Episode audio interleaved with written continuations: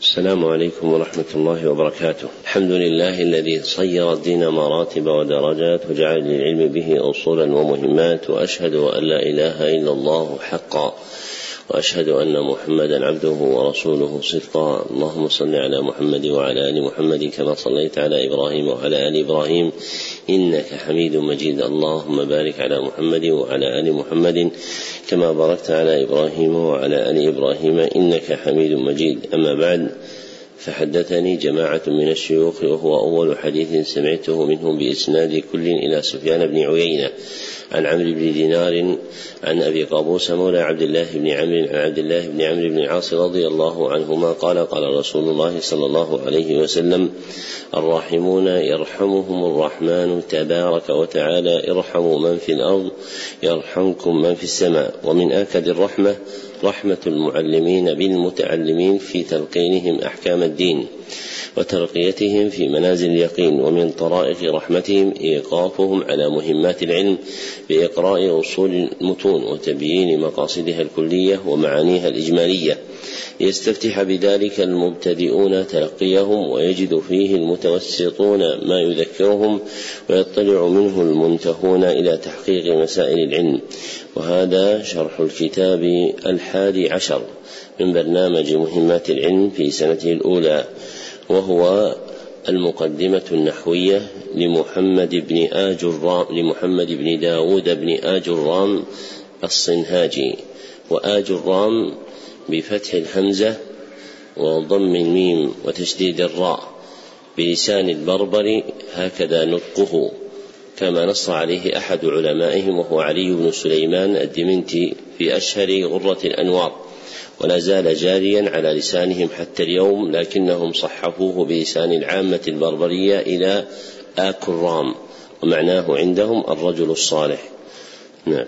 بسم الله الرحمن الرحيم. الحمد لله رب العالمين وصلى الله وسلم على نبينا محمد وعلى آله وصحبه أجمعين. اللهم اغفر لنا ولشيخنا وللحاضرين ولجميع المسلمين. قال المؤلف رحمه الله تعالى بسم الله الرحمن الرحيم. الكلام هو اللفظ المركب المفيد بالوضع. لما كان متعلق علم النحو هو الكلام درج النحاة على استفتاح مصنفاتهم ببيان معناه وقد عرفه المصنف رحمه الله بقوله الكلام اللفظ المركب المفيد بالوضع فله عندهم كما ذكر المصنف عنهم أربعة شروط. أولها أن يكون لفظا وهو الصوت المشتمل على حرف فأكثر من الحروف الهجائية. وخصوه بالمستعمل منها وهو ما دل على معنى نحو زيد دون المهمل وهو ما لا يدل على معنى كديز مقلوب زيد. وسموا الأول وهو المستعمل قولا فأل في قولهم اللفظ يريدون به اللفظ المستعمل دون المهمل وهو المسمى عند النحاة قولا. وثانيها أن يكون مركبا. والتركيب هو ضم كلمة إلى أخرى فأكثر إلا أنهم لا يريدون مطلق الضم وإنما يريدون ضما مخصوصا. وهو إذا كان الضم على وجه يفيد. مما يسمى عند النحاة مسندا دون ما كان فيه الضم لا على وجه مفيد.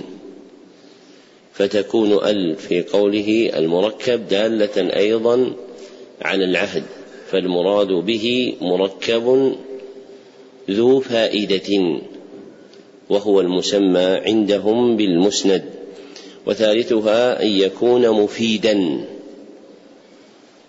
وهو ما يتم به المعنى ويحسن السكوت عليه من المتكلم. ورابعها أن يكون موضوعا باللغة العربية أي مجعولا على معنى تعرفه العرب في لسانها. فإن العرب وضعت كلمة أسد للدلالة على الحيوان المعروف ووضعت كلمة قلم للدلالة على آلة الكتابة.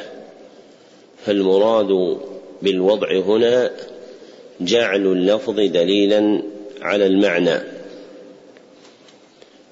فالكلام هو اللفظ المركب المفيد بالوضع على ما ذكرنا. وألخص من هذا وأخلص أن يقال الكلام هو القول المسند.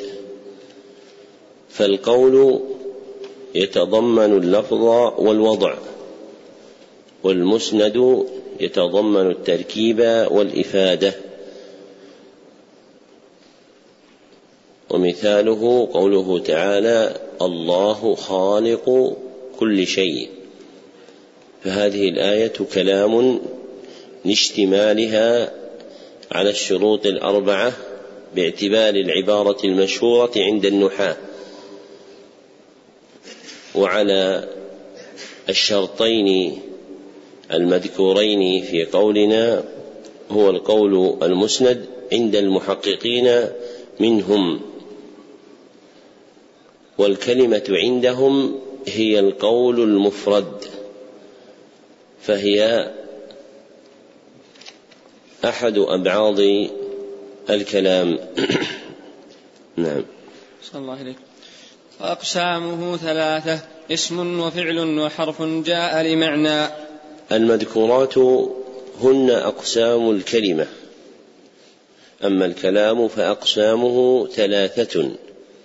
هي المفرد والجملة وشبه الجملة وكأنه أراد مجموع ما يتألف منه الكلام فهي أجزاؤه من جهة التركيب.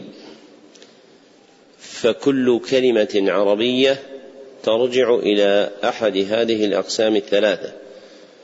فالتقدير لما ذكره المصنف هنا أقسام أجزاء الكلام ثلاثة. فالأول منها الاسم وهو ما دل على معنى في نفسه ولم يقترن بزمن. مثل محمد والثاني الفعل. وهو ما دل على معنى في نفسه واقترن بزمن ماض أو حاضر أو مستقبل. مثل أنفق وينفق وأنفق. والثالث الحرف الموضوع لمعنى نحو من وتسمى حروف المعاني تمييزا لها عن حروف المباني التي يتركب منها هجاء الكلمة. نعم. شاء الله. فالاسم يعرف بالخفض والتنوين ودخول الألف واللام عليه وحروف الخفض وهي من وإلى وعن وعلى وفي ورب والباء والكاف واللام وحروف القسم وهي الواو والباء والتاء. لما بين المصنف رحمه الله حقيقة الكلام وأقسامه شرع يذكر العلامات التي يتميز بها كل قسم من هذه الأقسام الثلاثة وابتدأ ذلك ببيان علامات الاسم ثم أتبعها بعلامات الفعل ثم ختم بعلامات الحرف. فذكر أولا أربع علامات تميز الاسم عن الفعل والحرف وهي أدلة اسمية الكلمة. فأولها الخفض وهذه عبارة الكوفيين. أما عبارة البصريين فهي الجر والمراد بها الكسرة التي يحدثها العامل وما ناب عنها الكسرة التي يحدثها العامل أو ما نابع عنها كقولنا مررت بالمسجد فالحركة التي حركت بها الدال الأخيرة تسمى خفضا وثانيها التنوين وهو نون ساكنة تلحق آخر الاسم لفظا وتفارقه خطا ووقفا ويدل عليها بتكرار الحركة. بالضمتين أو الفتحتين أو الكسرتين. كقولك مررت بمحمد الليلة. فالكسرتان اللتان حركت بهما كلمة محمد هي تنوين. وثالثها دخول ال على أول الكلمة. كقولك القمر.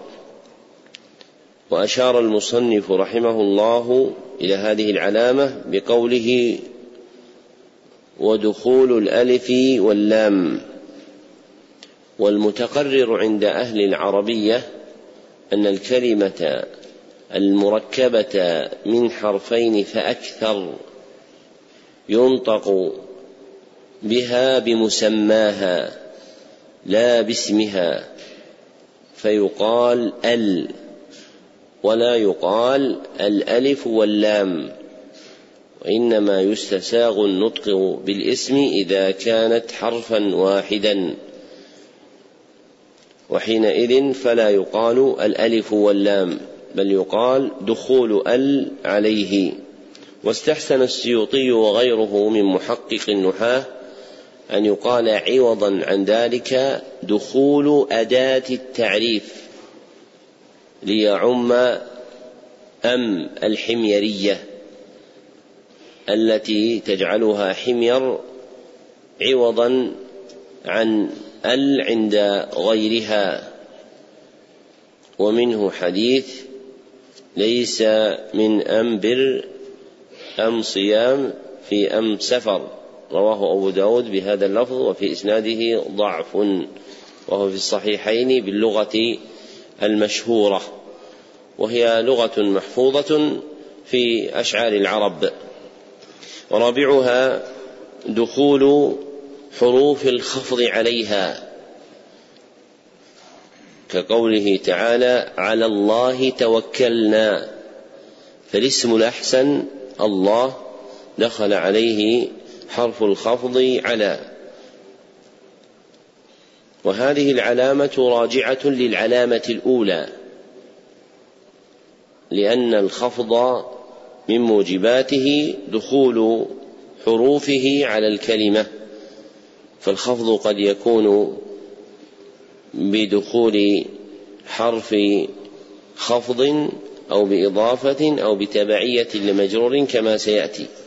ومن حروف الخفض حروف القسم وهي الواو والباء والتاء والمراد بالقسم اليمين. وذكرها مفردة من باب ذكر الخاص من العام فإن حروف القسم من حروف الخفض لكن لاختصاصها باليمين أفردت اهتماما بها. نعم. شاء الله عليك والفعل يعرف بقد والسين وسوف وتاء التأنيث الساكنة. ذكر المصنف رحمه الله أربع علامات تميز الفعل عن الاسم والحرف وهي أدلة فعلية الكلمة. أولها دخول قد الحرفية على الكلمة وهي تدخل على الماضي والمضارع كدخولها على أفلح في قول الله تعالى قد أفلح من زكاها ودخولها على يعلم في قوله تعالى قد يعلم الله وتقييد قد بالحرفية وقع لإخراج قد الإسمية كقولك قد زيد درهم أي حسب زيد درهم. فقد التي تكون علامة للفعل هي قد الحرفية دون الاسمية. وثانيها وثالثها دخول السين وسوف على الفعل. ويختصان بالدخول على الفعل المضارع فقط. ومنه قوله تعالى سيقول السفهاء من الناس وقوله تعالى سوف يؤتيهم الله أجورهم. ورابعها دخول تاء التأنيث الساكنة وتدخل على الفعل الماضي دون غيره فتختص به. في الآخر دون الأول فهي لاحقة بآخر الفعل غير متقدمة عليه كدخولها على قال في قول الله تعالى قالت رب ابن لي عندك بيتا في الجنة. وخصت تاء التأنيث بالذكر لخفتها. رحمك الله. وألحقت بها غيرها من التاءات. فلا يختص هذا بتاء التأنيث. بل التاءات الملحقة اللاحقة بالأفعال دالة أيضا على كون الكلمة فعلا وهي أنواع عدة. لكن لخفة تاء التأنيث الساكنة وكثرة دورانها خصت بالذكر من بينها. نعم. الله عليك. والحرف ما لا يصلح معه دليل الاسم ولا دليل الفعل. ذكر المصنف رحمه الله علامة واحدة تميز الحرف عن الاسم والفعل. هي دليل حرفية الكلمة. وتلك العلامة علامة عدمية لا وجودية. فعلامة الحرف أنه لا يصلح معه شيء من العلامات المتقدمة للاسم والفعل فحيث امتنعت العلامات المتقدمة من الدخول على كلمة فإنها حرف ومنه هل في قوله تعالى هل هل أتى على الإنسان حين من الدهر. فإن هذه الكلمة لو رمت أن تدخل عليها شيئا من العلامات المتقدمة لم يمكن ذلك في لسان العرب. نعم. صلى الله عليك باب الإعراب. الإعراب هو تغيير أواخر الكلم لاختلاف العوامل الداخلة عليها لفظا أو تقديرا. لما بين المصنف رحمه الله فيما سبق متعلق النحو وهو الكلام ذكر هنا حكمه فإنه هو المقصود عند النحاة فيما يجري من الأحكام وهي التي أشاروا إليها بقولهم باب الإعراب. والإعراب عند النحاة مقيد بثلاثة أمور. الأول أنه تغيير. والمراد به الانتقال بين علامات الإعراب الآتي ذكرها. وثانيها أن محل التغيير هو أواخر الكلم دون أوائلها وأواسطها.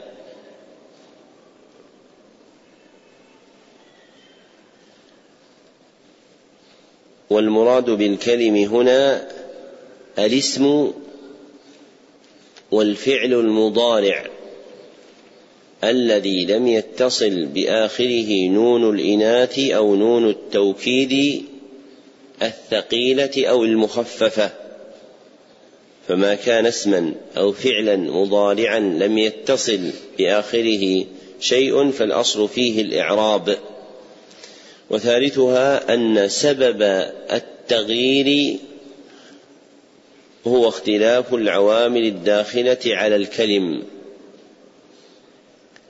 والمقصود بالعامل الموجب المقتضي للإعراب فهناك عوامل توجب الرفع وعوامل توجب النصب وعوامل توجب الخفض وعوامل توجب الجزم. وهذا التغيير نوعان. أحدهما لفظي وهو ما لا يمنع من النطق به مانع. كقولك جاء المؤمن ورأيت المؤمن ومررت بالمؤمن فإن تغير حركة النون لاختلاف العامل الداخل عليها لا يمنع من النطق به مانع وثانيها تقديري وهو ما يمنع من النطق به مانع. كالتعذر إذا كان آخر الكلمة الفا. أو الثقل إذا كان آخر الكلمة واوا أو ياء.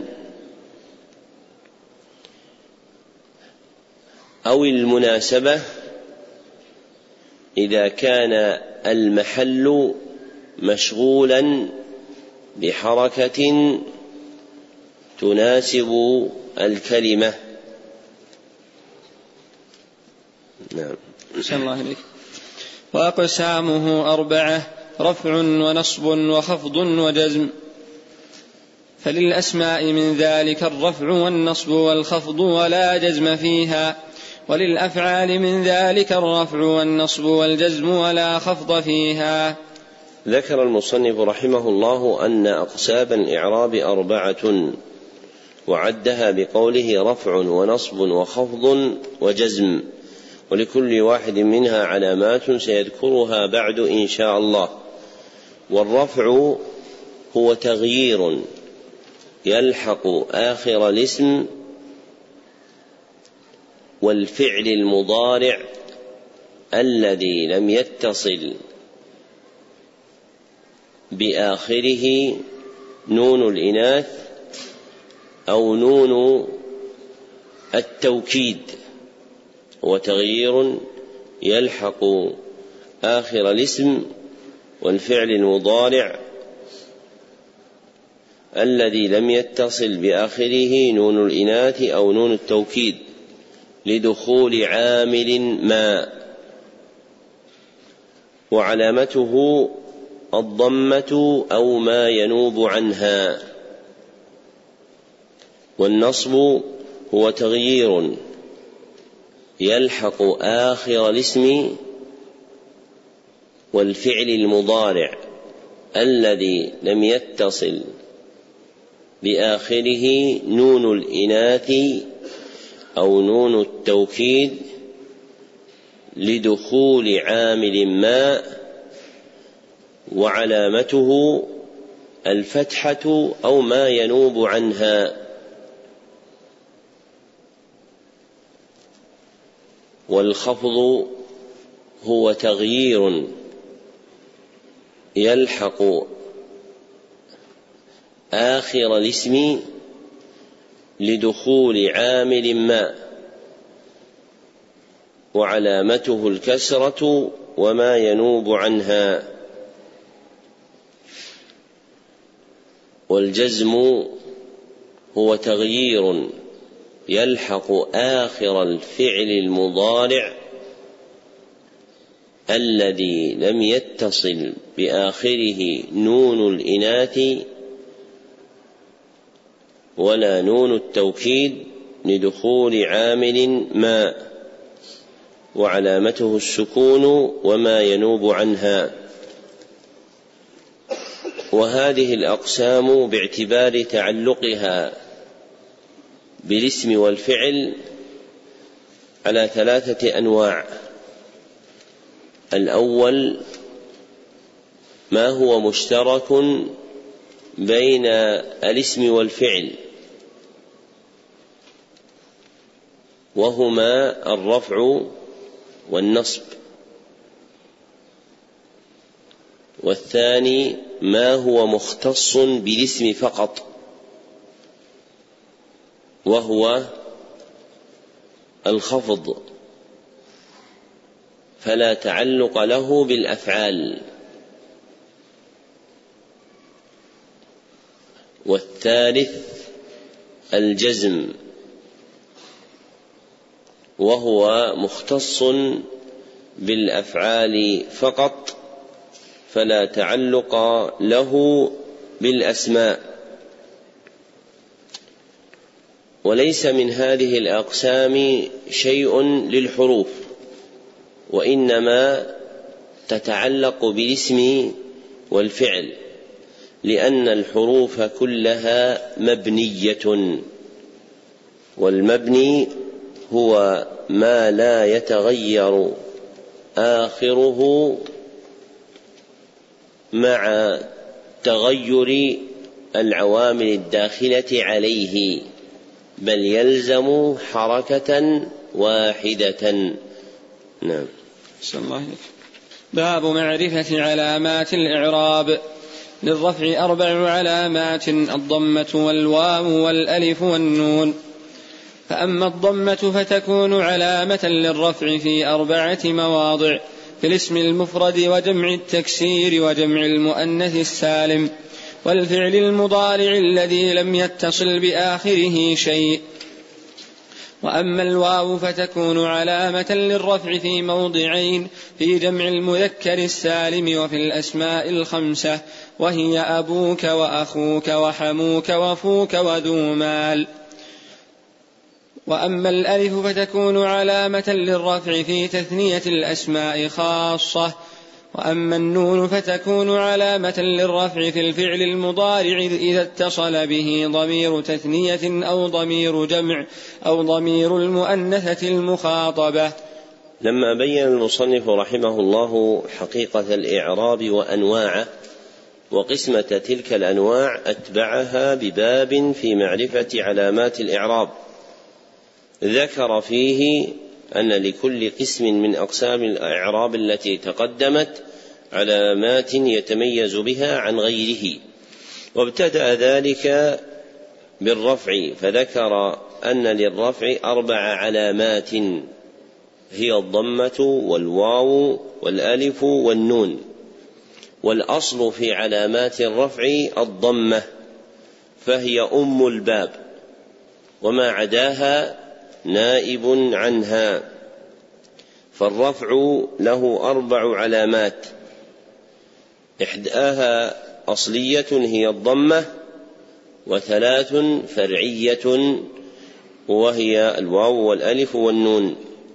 فالعلامة الأولى وهي الضمة تكون علامة للرفع في أربعة مواضع. الأول الاسم المفرد والمراد به ما ليس مثنى ولا مجموعا ولا من الأسماء الخمسة ما ليس مثنى ولا مجموعا ولا من الأسماء الخمسة. نحو محمد. ومنه قوله تعالى محمد رسول الله فمحمد اسم مرفوع وعلامة رفعه إيش؟ الضمة. الثاني جمع التكسير.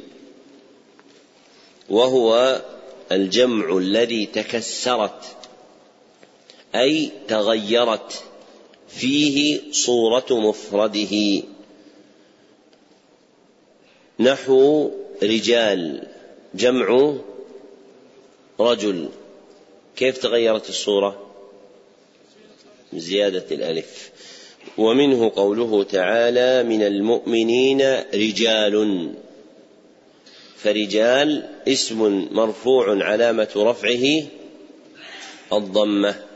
الثالث جمع المؤنث السالم وهو جمع الإناث المختوم بألف وتاء مزيدتين. وأضيف إلى التأنيث لأن مفرده مؤنث. وأضيف إلى السلامة لأن المفرد فيه سالم من التغيير. مثاله المؤمنات. جمع مؤمنة. ومنه قوله تعالى إذا جاءكم المؤمنات فالمؤمنات اسم مرفوع وعلامة رفعه الضمة.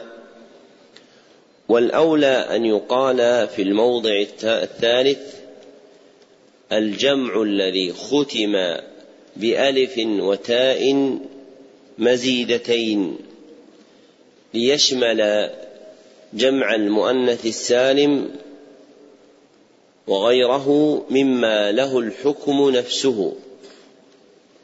فالهندات جمع إيش؟ هند. فهي جمع مؤنث سالم. لكن الحمامات جمع حمام وهي جمع لمؤنث أم لمذكر؟ جمع لمذكر. فالأولى أن يعبر عن هذا الموضع بقولنا الجمع الذي آخره ألف وتاء مزيدتان. الرابع الفعل المضارع الذي لم يتصل بآخره شيء. نحو يغفر ومنه قوله تعالى فيغفر الله لمن يشاء. فيغفر فعل مضارع مرفوع وعلامه رفعه الضمة. والعلامة الثانية وهي الواو تكون علامة للرفع في موضعين. الأول جمع المذكر السالم وهو الجمع الذي ختم مفرده بواو ونون أو بياء ونون. وأضيف إلى المذكر لأنه جمع للمذكر دون المؤنث وأضيف إلى السلامة لأن المفرد فيه سالم من التغيير. نحو المؤمنون جمع مؤمن ومنه قول الله تعالى ولما رأى المؤمنون فالمؤمنون اسم مرفوع. وعلامة رفعه إيش؟ الواو. الثاني الأسماء الخمسة وهي أبوك وأخوك وحموك وفوك وذو مال والحمو اسم لقرابة المرأة من جهة زوجها. فإذا أضيف للكاف فهي بكسرها. وربما يطلق على قرابة الرجل من جهة امرأته فيسوغ فيه فتح الكاف. لكن الأفصح هو جعله اسما لقرابة المرأة من جهة زوجها فتكون الكاف مكسورة. وذو هو خامسها ولا تختص إضافته بالمال كما فعل المصنف فقال وذو مال. ولو أنه أضافه إلى العلم لكان أليق لأن المحل محل تعليم وليس محلا للدنيا. وزاد بعضهم هنوك وهو كناية عما يستقبح وإعرابه بالحروف لغة قليلة والأشهر فيه إعرابه بالحركات ولهذا أهمل ذكره في المختصرات. وهذه الأسماء الخمسة ترفع بالواو. نحو أبونا. ومنه قول الله تعالى وأبونا شيخ كبير فأبو اسم مرفوع وعلامة رفعه الواو. والعلامة الثالثة وهي الألف تكون علامة للرفع في موضع واحد وهو تثنية الأسماء خاصة.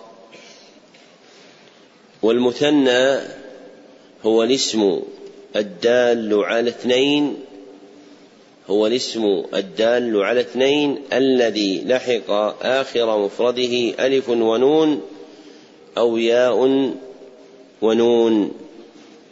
نحو رجلان ومنه قوله تعالى وقال رجلان.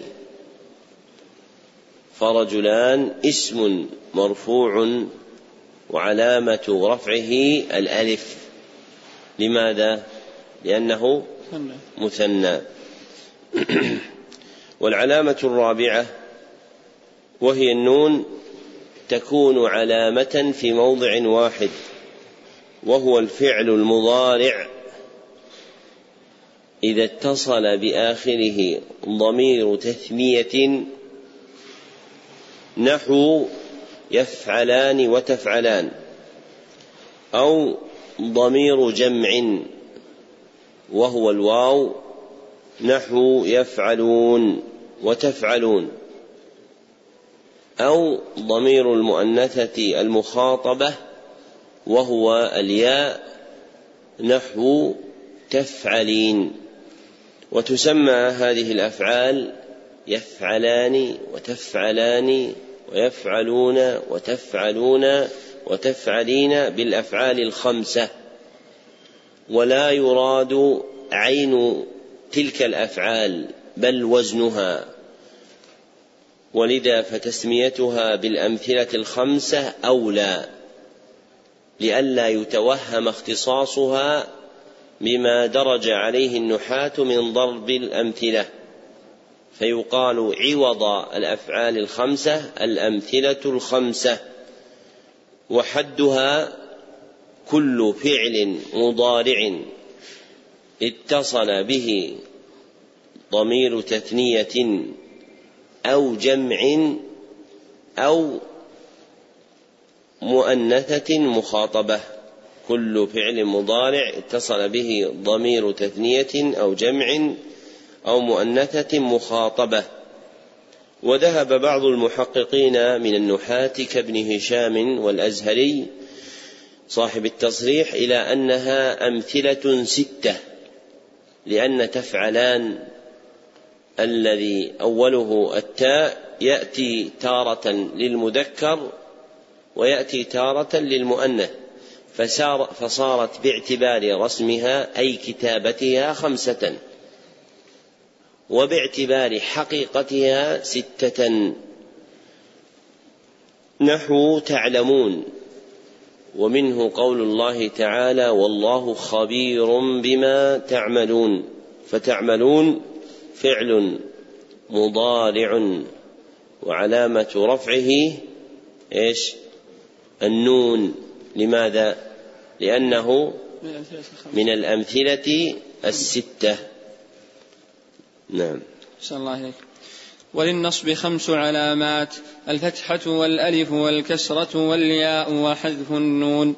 فأما الفتحة فتكون علامة للنصب في ثلاثة مواضع في الاسم المفرد وجمع التكسير والفعل المضارع إذا دخل عليه ناصب ولم يتصل بآخره شيء.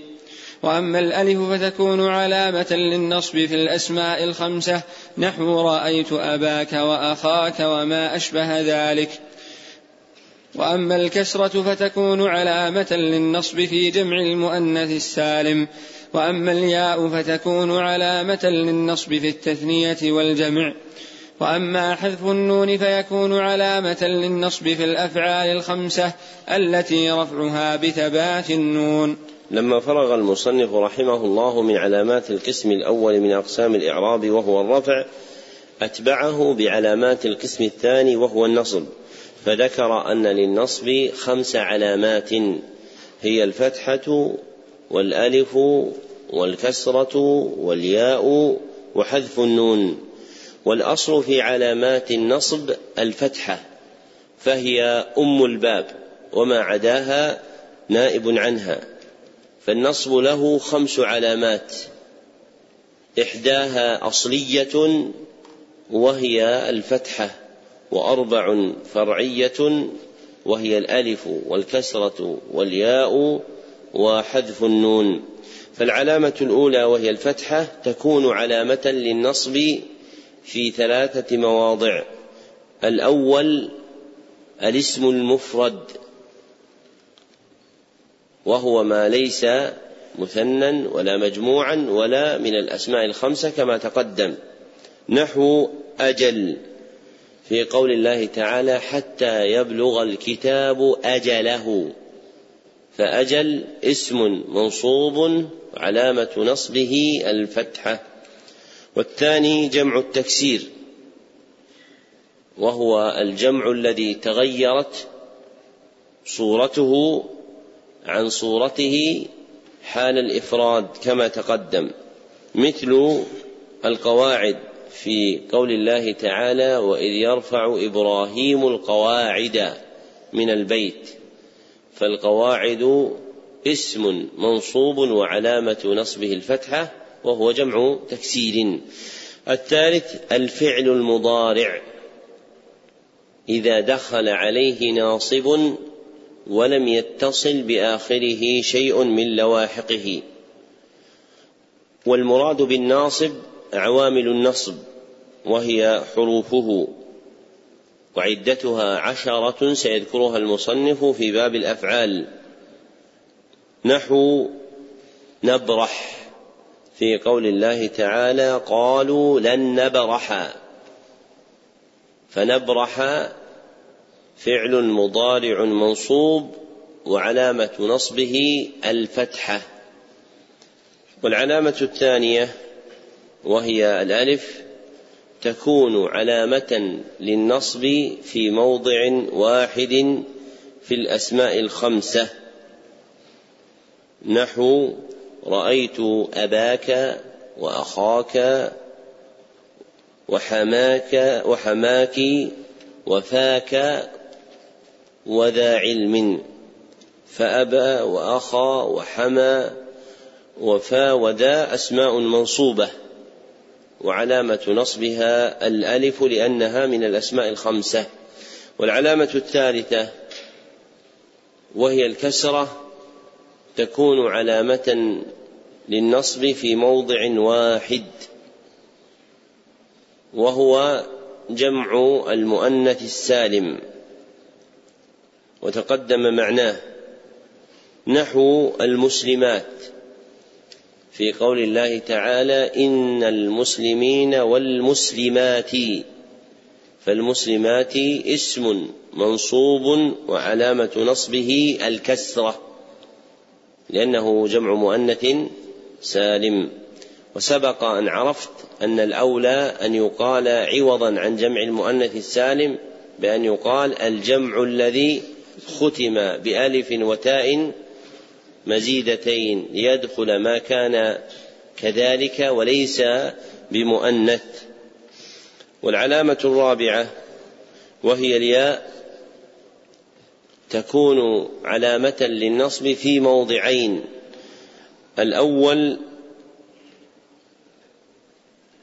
التثنية وتقدم معنى المثنى. نحو رجلين. ومنه قول الله تعالى فوجد فيها رجلين. فرجلين اسم منصوب علامة نصبه الياء. والثاني الجمع والمراد به جمع المذكر السالم. فأل في قول المصنف الجمع عهدية أراد بها نوعا مخصوصا منه وهو جمع المذكر السالم. نحو المحسنين. في قول الله تعالى والله يحب المحسنين فالمحسنين اسم منصوب وعلامة نصبه الياء. والعلامة الخامسة هي حذف النون. وتكون علامة للنصب في موضع واحد في الأمثلة الستة التي تقدمت وهي الأفعال التي على زنة يفعلان تفعلان يفعلون تفعلون تفعلين. فإذا تقدمها ناصب كان علامة نصب نصبها حذف النون نحو تفعلوا في قول الله تعالى ولن تفعلوا. فتفعل فعل مضارع منصوب علامة نصبه حذف النون لأنه من الأمثلة الستة. نعم. صلى الله عليك وللخفض ثلاث علامات الكسرة والياء والفتحة. فأما الكسرة فتكون علامة للخفض في ثلاثة مواضع في الاسم المفرد المنصرف وجمع التكسير المنصرف وجمع المؤنث السالم. وأما الياء فتكون علامة للخفض في ثلاثة مواضع في الأسماء الخمسة وفي التثنية والجمع. وأما الفتحة فتكون علامة للخفض في الاسم الذي لا ينصرف. لما فرغ المصنف رحمه الله من علامات القسم الأول والثاني من أقسام الإعراب وهما الرفع والنصب أتبعهما بعلامات القسم الثالث وهو الخفض. فذكر أن للخفض ثلاث علامات هي الكسرة والياء والفتحة. والأصل في علامات الخفض هي الكسرة فهي أم الباب وما عداها تابع لها. فالخفض له ثلاث علامات. واحدة أصلية هي الكسرة واثنتان فرعيتان هما الياء والفتحة. فالعلامة الأولى الكسرة تكون علامة للخفض في ثلاثة مواضع. الأول الاسم المفرد المنصرف. والمنصرف هو المنون أي الذي يقبل التنوين. نحو قرية. في قول الله تعالى مر على قرية فقرية اسم مخفوض وعلامة خفضه الكسرة وهو منصرف للحوق التنوين به. الثاني جمع التكسير المنصرف. وتقدم معنى جمع التكسير ومعنى المنصرف. ما معنى المنصرف؟ واحد يجاوب. يا أخي. إيش؟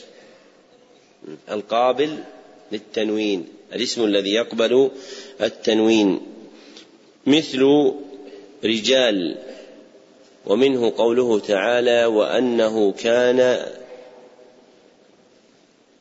رجال من الإنس يعوذون برجال من الجن. فرجال اسم مخفوض وعلامة خفضه إيش؟ الكسرة. ولحقته التنوين لأنه غير ممنوع من الصرف. الثالث جمع المؤنث السالم نحو العاديات في قول الله تعالى والعاديات ضبحا فالعاديات اسم مخفوض وعلامة خفضه الكسرة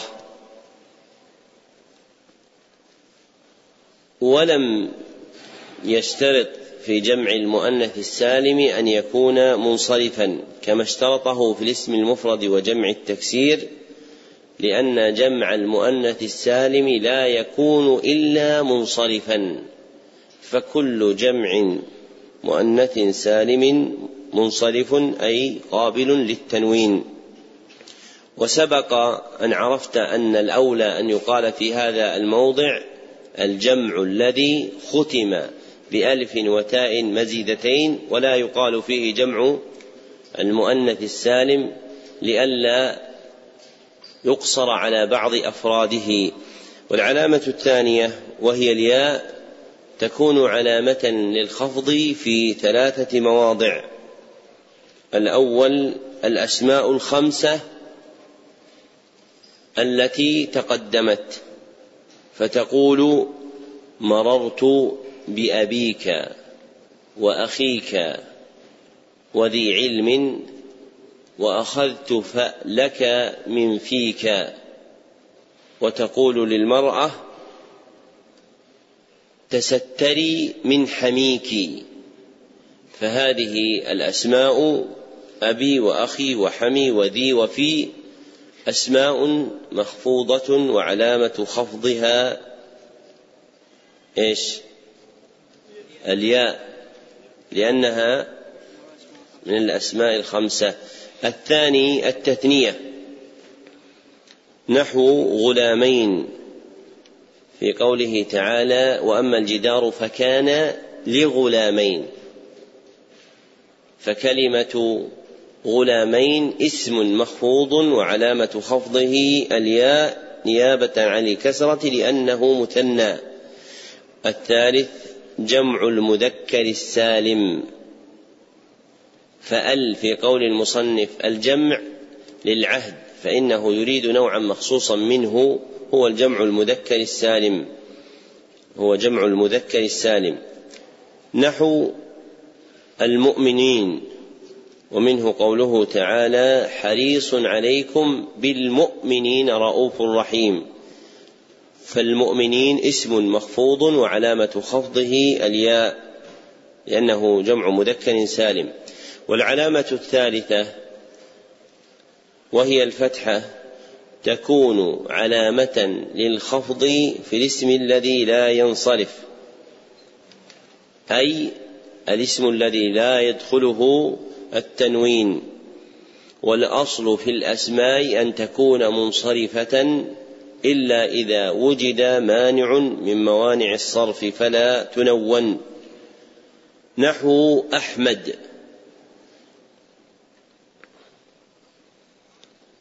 فإن أحمد اسم ممنوع من الصرف. ويجر بالفتحة بدل الكسرة. ومنه تمسك بسنة أحمد ولا تزغ عنها. فأحمد اسم مخفوض وعلامة خفضه الفتحة نيابة عن الكسرة لأنه ممنوع من الصرف. وموانع الصرف تنظر في المطولات. نعم. شاء الله إليك. وللجزم علامتان السكون والحذف.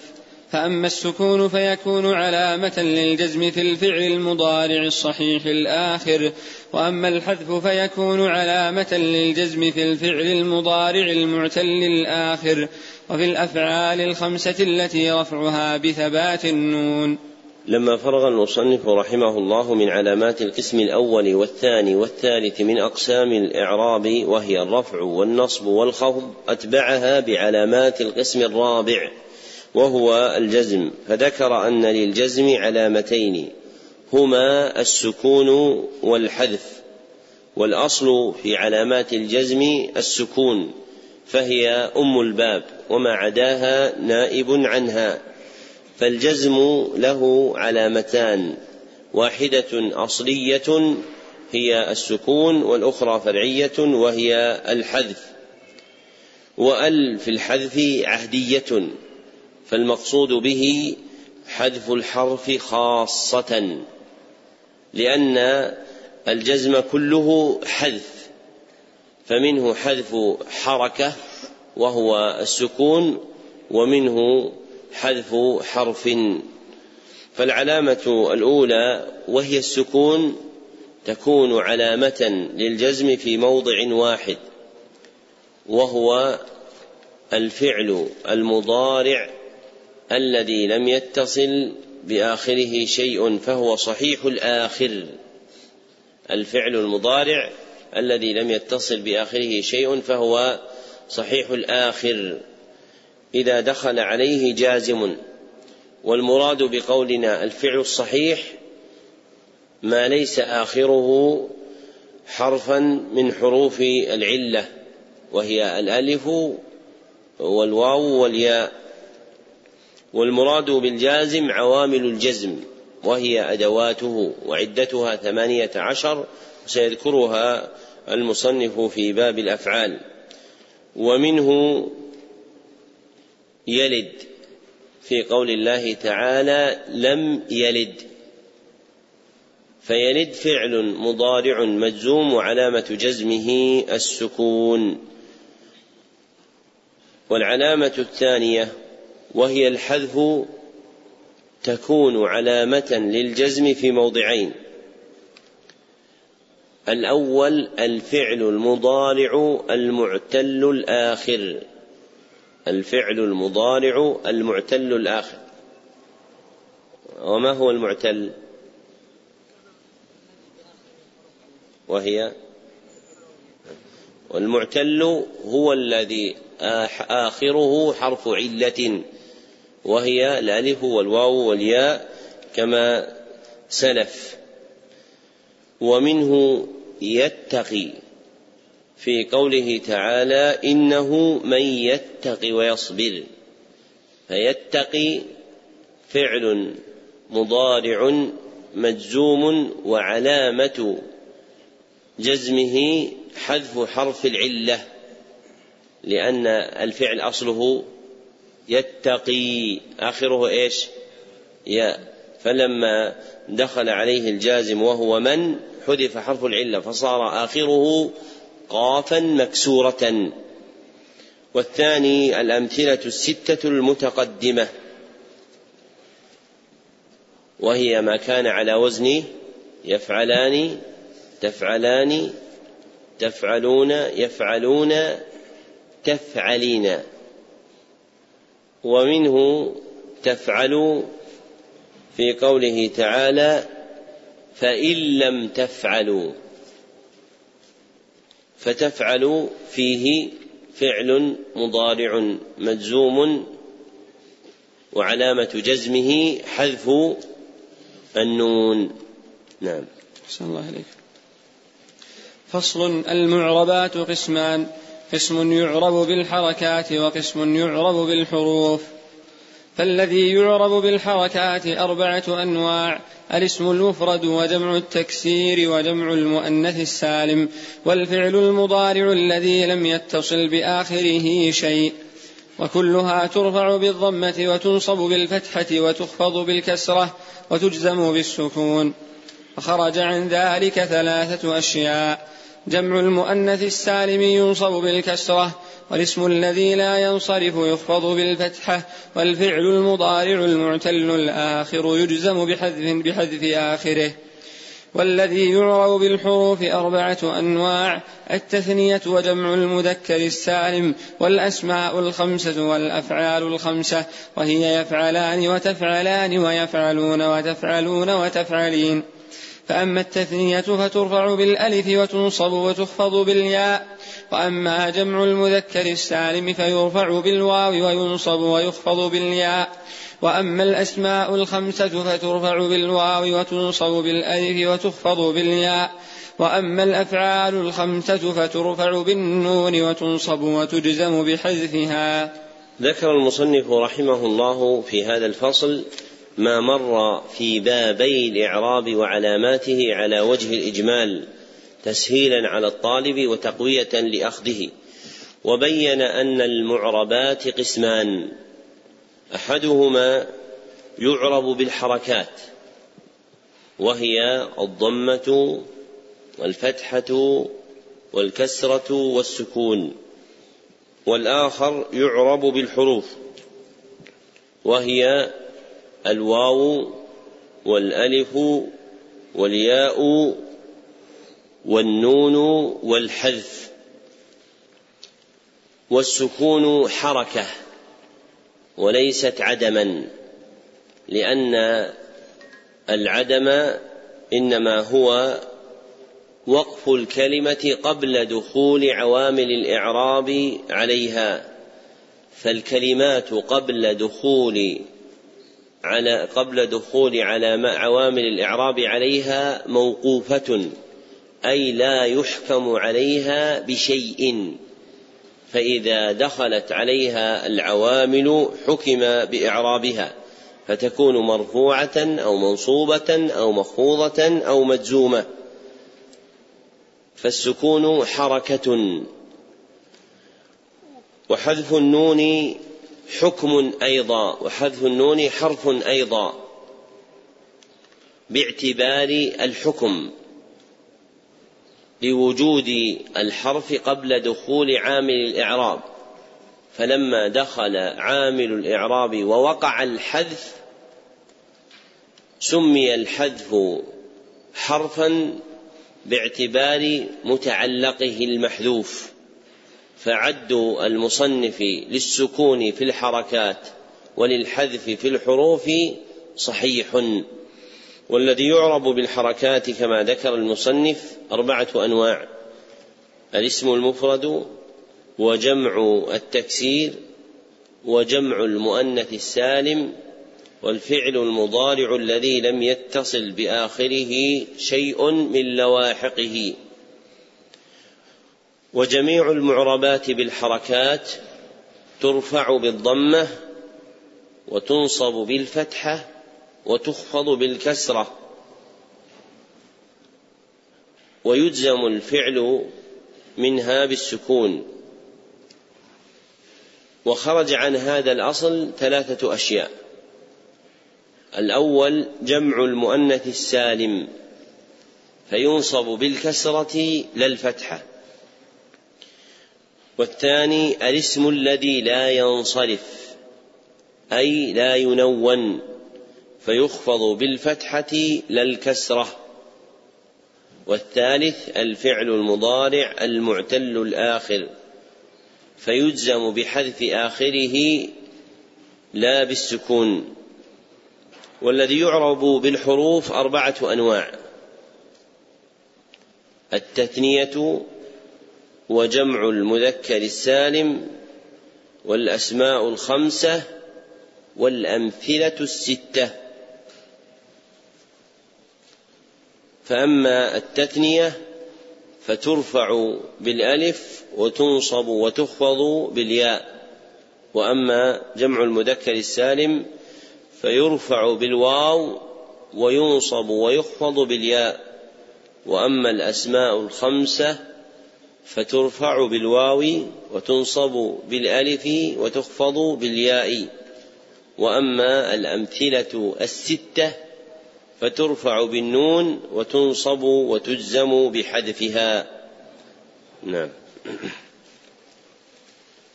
الله عليك باب الأفعال. الأفعال ثلاثة ماض ومضارع وأمر. نحو ضرب ويضرب واضرب. ذكر المصنف رحمه الله في صدر هذا الباب قسمة الأفعال. وسبق أن عرفت أن الفعل هو ما دل على معنى في نفسه واقترن بزمن ماض أو حاضر أو مستقبل. فالأقسام ثلاثة. أولها الفعل الماضي وهو ما دل على حصول الفعل في الزمن إيش؟ الماضي. نحو أضاعوا. والقسم الثاني الفعل المضارع وهو ما دل على حصول الفعل في الزمن الحاضر أو المستقبل دون طلبه. الزمن الحاضر أو المستقبل دون طلبه. نحو يحافظون. والقسم الثالث فعل الأمر وهو ما دل على الفعل في الزمن المستقبل مع طلبه. وهذا الفرق بينه وبين المضارع الذي يكون في المستقبل. ما دل على الفعل في الزمن المستقبل مع طلبه. فمثلا قولك اكتب يدل على الزمن أي زمن؟ المستقبل. مع الطلب أو دون الطلب. مع طلبه فيكون أمرا. نعم. أحسن الله عليك. فالماضي مفتوح الآخر أبدا والأمر مجزوم أبدا والمضارع ما كان في أوله إحدى الزوائد الأربع التي يجمعها قولك أنيت وهو مرفوع أبدا حتى يدخل عليه ناصب أو جازم. لما بين المصنف رحمه الله أقسام الأفعال أوضح أحكامها. فالماضي مفتوح الآخر أبدا. أي مبني على الفتح دائما إما لفظا كما في حفظ أو تقديرا كما في دعا وقالوا وسمعنا فإنه يقدر على الفعل إذا كان آخره ألفا أو واو جماعة أو اتصل به ضمير الرفع المتحرك. أما فعل الأمر فمبني على السكون دائما.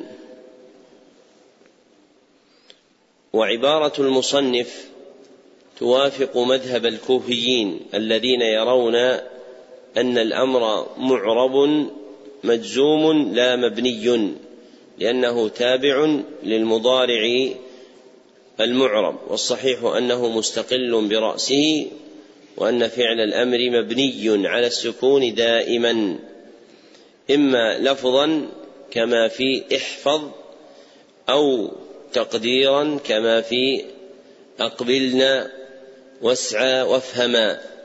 وذلك إذا اتصلت به نون التوكيد أو كان مضارعه معتل الآخر أو من الأمثلة الستة. ويعلم بهذا أن أن الماضي والأمر حكمهما البناء فهما دائما مبنيان. وأما الفعل المضارع فهو الذي يدخله الإعراب كما سبق.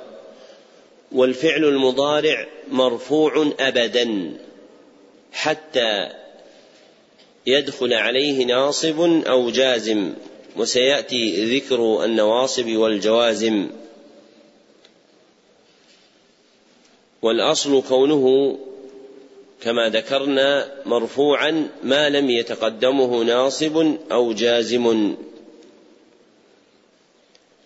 ما لم تتصل به نون التوكيد أو نون الإناث فإذا اتصلت به واحدة منهما فإنه يبنى على الفتح. وإذا يبنى على الفتح إذا كانت نون التوكيد. وإن اتصلت به نون الإناث بني على السكون. نعم. شاء الله هيك. فالنواصب عشرة وهي أن ولن وإذا وكي ولام كي ولام الجحود وحتى والجواب بالفاء والواو وأو والجوازم ثمانية عشر. وهي لم ولما وألم وألما ولام الأمر والدعاء ولا في النهي والدعاء وإن وما ومن ومهما وإذ ما وأي ومتى وأيان وأين وأنا وحيثما وكيفما وإذا في الشعر خاصة. قرر المصنف كما سبق أن المضارع مرفوع ما لم يدخل عليه ناصب أو جازم. فاقتضى ذلك أن يبين عوامل النصب والجزم التي التي تدخل عليه. فساق في هذه الجملة النواصب والجوازم. فالنواصب عشرة هي أن ولن وإذا إلى آخر ما ذكر. ولام كي تسمى عند النحاة لام التعليل. وأضيفت إلى كي لأنها تخلفها في إفادة التعليل. وقد تكون للعاقبة أو زائدة لا للتعليل وتعمل عملها. والمراد بلام الجحود لام النفي. وضابطها أن تسبق بما كان أو ما يكون أو لم يكن. أن تسبق بما كان أو لم يكن. وقوله والجواب بالفاء والواو أراد الفاء والواو الواقعتان في أول الجواب ففي ظاهر عبارته قلب. فالناصب هو الفاء والواو الواقعتان في أول الجواب وليس الناصب هو الجواب بالفاء والواو.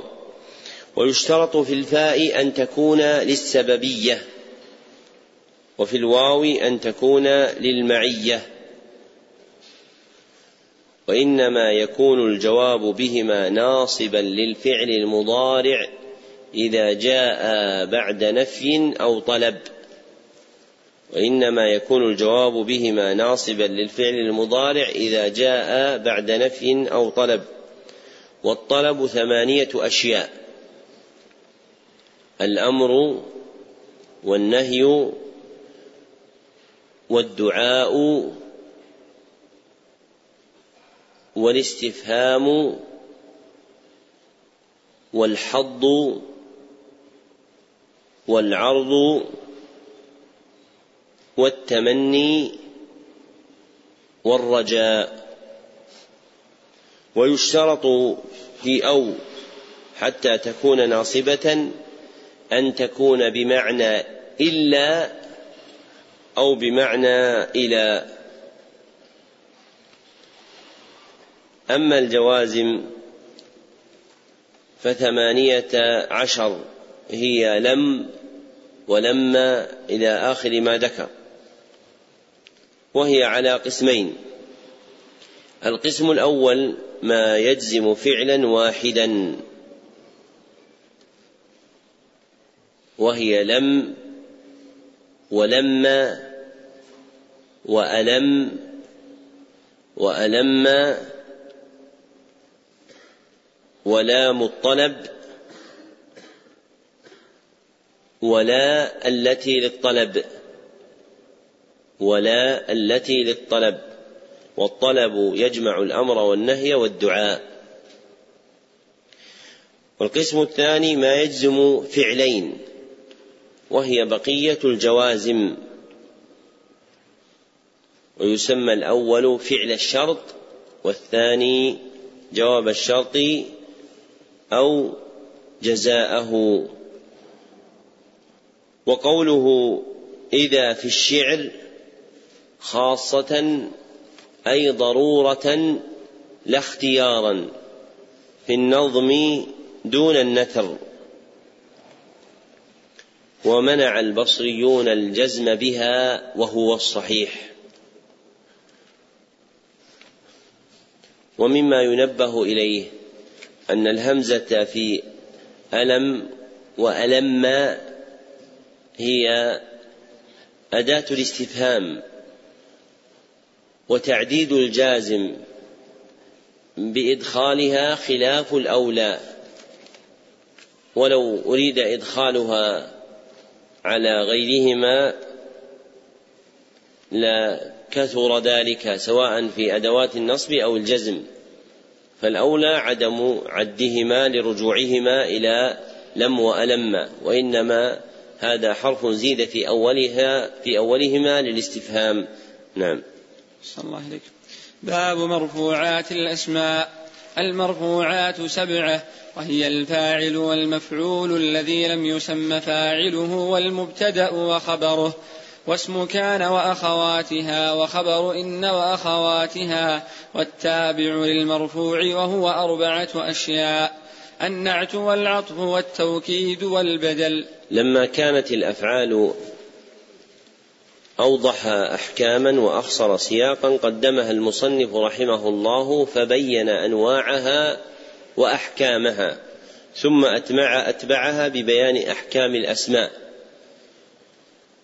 وأهمل المصنف رحمه الله بيان حكم الحرف وهو البناء كما قدمناه. وأحكام الأسماء كما سلف الرفع والنصب والخفض ولا جزم فيها. وقد بين المصنف رحمه الله أفراد كل قسم مسرودة في ثلاثة أبواب باب مرفوعات الأسماء وباب منصوبات الأسماء وباب مخفوضات الأسماء. ولطول البابين الأولين أجمل كل واحد منهما ثم فصله. وهذا أولهما بين فيه مواقع الرفع مجملة تسهيلا على الطالب وتشويقا له ليجتهد في حفظها وفهمها. والمرفوعات سبعة كما ذكر وهي مقسومة إلى قسمين اثنين. أحدهما مرفوع مستقل وهو الفاعل والمفعول الذي لم يسم فعله والمبتدا وخبره واسم كان وخبر إن والتابع لل... هذه هي المستقلة. والثاني مرفوع تابع وهو أربعة أشياء النعت والعطف والتوكيد والبدل. والفرق بينهما أن المرفوع المستقل لا يخرج عن الرفع أبدا. أما المرفوع التابع فإنه قد يخرج عن الرفع فيكون منصوبا أو مخفوضا بحسب ما يتبعه فإنه تابع في حكمه لمتقدم عليه ولذلك سمي تابعا. نعم. صلى الله عليك باب الفاعل. الفاعل هو الاسم هو الاسم المرفوع المذكور قبله فعله وهو على قسمين ظاهر ومضمر. فالظاهر نحو قولك قام زيد ويقوم زيد وقام الزيدان ويقوم الزيدان. فقام الزيدون ويقوم الزيدون وقام الرجال ويقوم الرجال فقامت هند وتقوم هند وقامت الهندان وتقوم الهندان فقامت الهندات وتقوم الهندات وقامت الهنود وتقوم الهنود وقام أخوك ويقوم أخوك وقام غلامي ويقوم غلامي وما أشبه ذلك والمضمر اثنا عشر نحو قولك ضربت وضربنا وضربت وضربت وضربت و حركها حركها.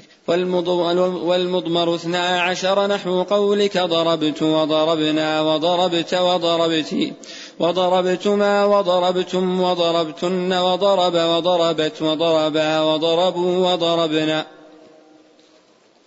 النحو كله ضرب.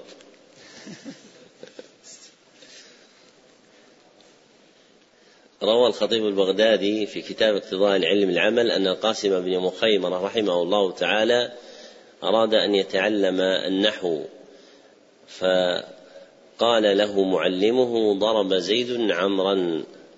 فقال لم ضربه؟ قال هكذا البناء.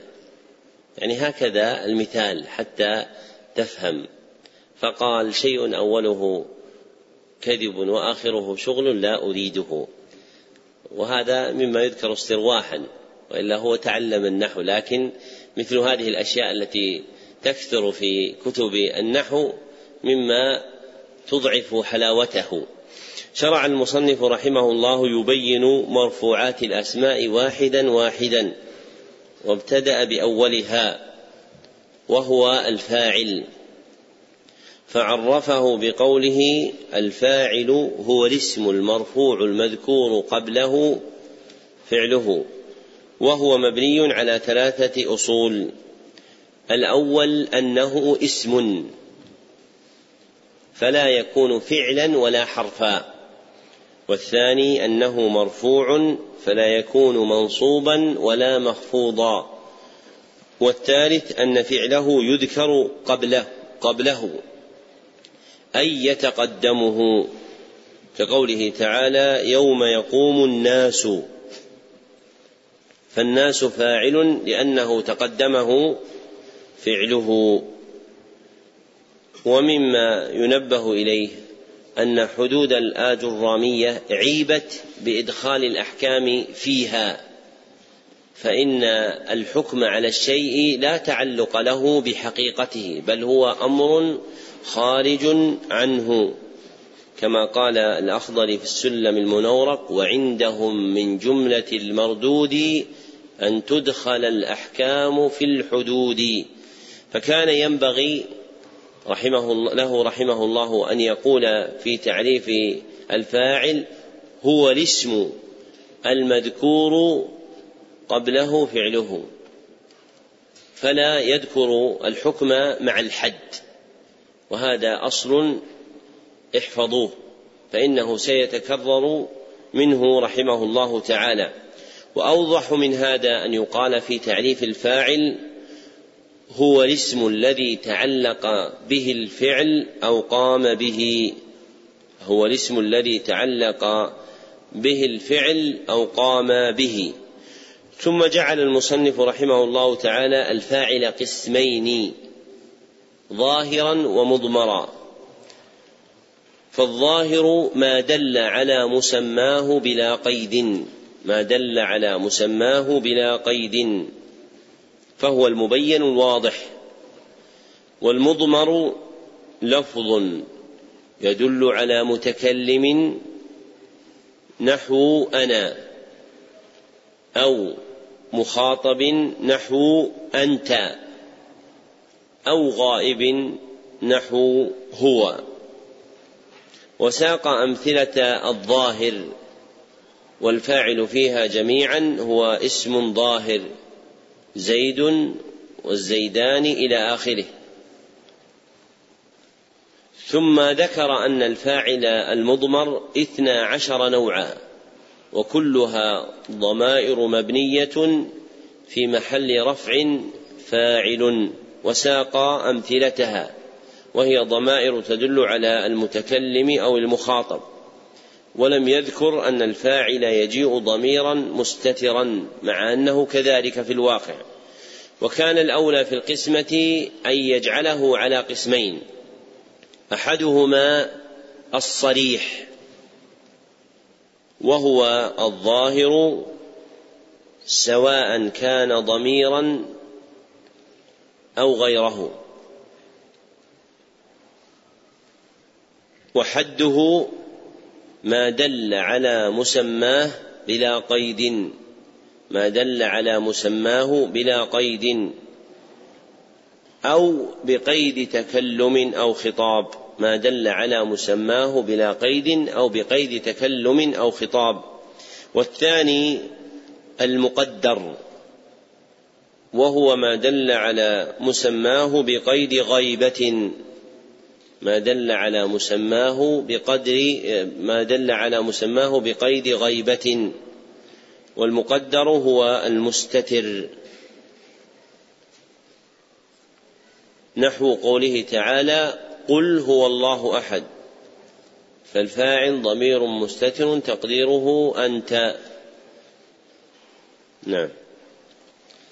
صلى الله عليك باب المفعول الذي لم يسم فاعله وهو الاسم المرفوع الذي لم يذكر معه فاعله فإن كان الفعل ماضيا ضم أوله وكسر ما قبل آخره وإن كان مضارعا ضم أوله وفتح ما قبل آخره وهو على قسمين ظاهر ومضمر فالظاهر نحو قولك ضرب زيد ويضرب زيد وأكرم عمرو ويكرم عمرو والمضمر اثنا عشر نحو قولك ضربت وضربنا وضربت وضربت وضربتما وضربتم وضربتن وضرب وضربت وضربا وضربوا وضربنا.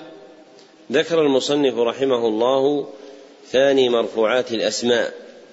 وهو المفعول الذي لم يسم فاعله وغيره يسميه نائب الفاعل وعليه استقر الاصطلاح النحوي. وحده بقوله وهو الاسم المرفوع الذي لم يذكر فاعله. وهو مبني على ثلاثة أصول. الأول أنه اسم فلا يكون فعلا ولا حرفا. والثاني أنه مرفوع فلا يكون منصوبا ولا مخفوضا. والثالث أن فاعله لا يذكر معه بل يحذف المتكلم الفاعل ويكتفي عنه بالمفعول.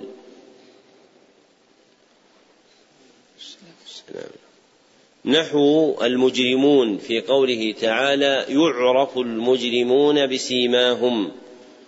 فأصل الجملة يعرف الملائكة المجرمين بسيماهم. فحذف الفاعل وهم الملائكة وأقيم المفعول وهو المجرمين مقامه وأعطي حكمه.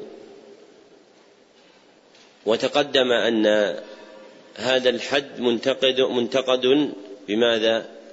بإدخال حكمه فيه. فالأولى أن يقال في تعريفه هو الاسم الذي لم يسم فاعله. يعني لم يذكر الفاعل فيه وإنما أقيم المفعول منزلة فاعله.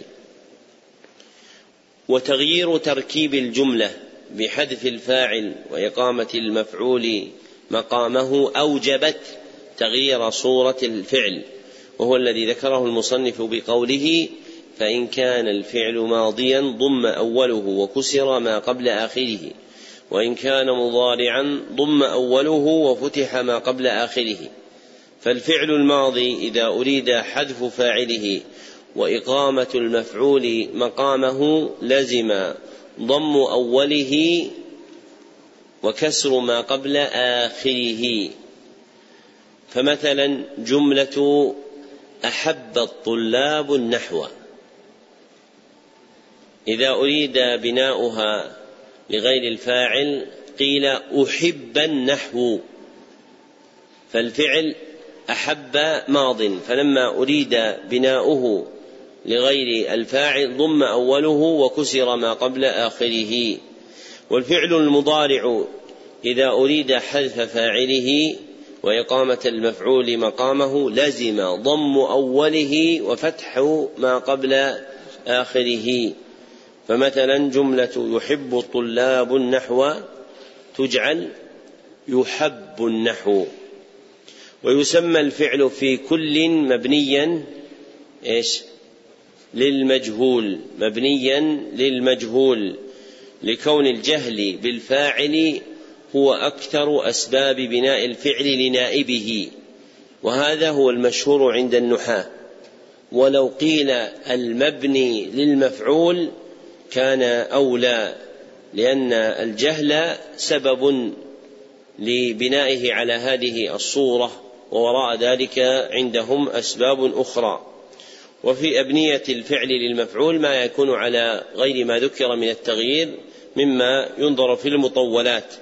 ثم ذكر المصنف رحمه الله أن نائب الفاعل الذي يسميه هو المفعول الذي لم يسمى فاعله قسمان ظاهر ومضمر وساق أمثلتهما والمضمر اثنا عشر نوعا وكلها ضمائر مبنية في محل رفع نائب فاعل. وكان الأولى في القسمة أن يجعله على قسمين أحدهما الصريح وهو الظاهر سواء كان ضميرا أو غيره على ما تقدم.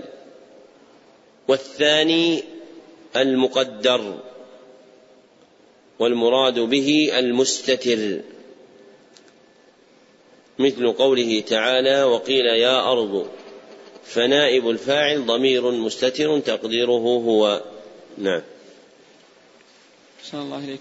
باب المبتدأ والخبر.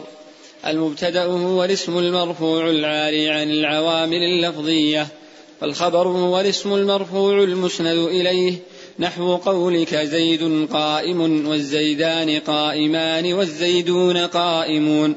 والمبتدأ قسمان ظاهر ومضمر.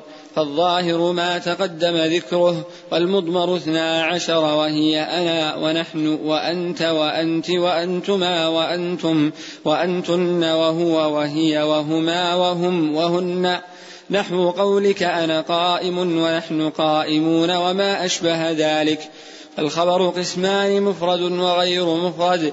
فالمفرد نحو قولك زيد قائم والزيدان قائمان والزيدون قائمون. وغير المفرد أربعة أشياء الجار والمجرور والظرف والفعل مع فاعله والمبتدأ مع خبره. نحو قولك زيد في الدار وزيد عندك وزيد قام أبوه وزيد جاريته ذاهبة. ذكر المصنف رحمه الله الثالث والرابع من مرفوعات الأسماء وهما المبتدأ والخبر وحد المبتدأ بقوله المبتدأ هو الاسم المرفوع العاري عن العوامل اللفظية فهو مبني على ثلاثة أصول.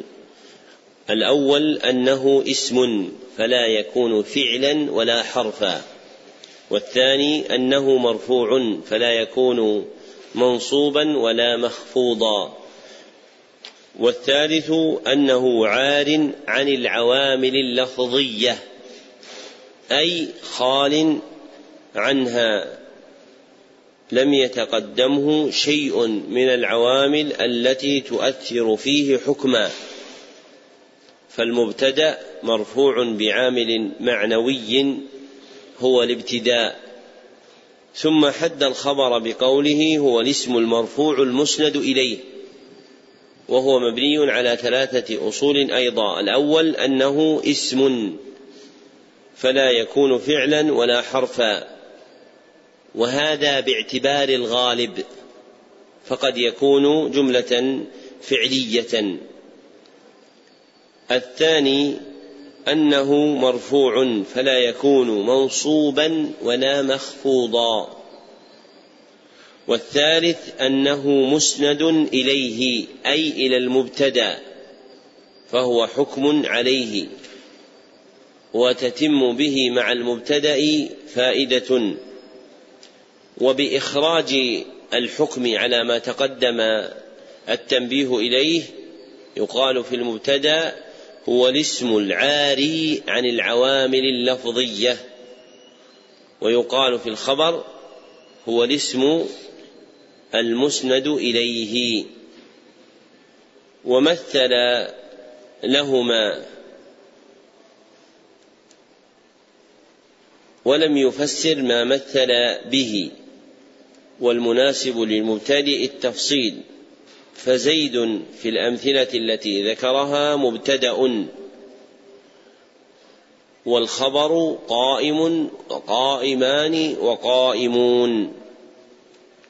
ثم ذكر أن المبتدأ قسمان ظاهر ومضمر. وساق أمثلتهما والمضمر اثنا عشر نوعا. وكلها ضمائر مبنية. في محل رفع مبتدأ. والتحقيق أن الضمير في أنا وأنت وأنت وأنتما وأنتم وأنتن هو أن. وما اتصل به بعده فهو حرف لا محل له من الإعراب. وضع للدلالة على المخاطب. ثم ذكر رحمه الله أن الخبر قسمان مفرد وغير مفرد.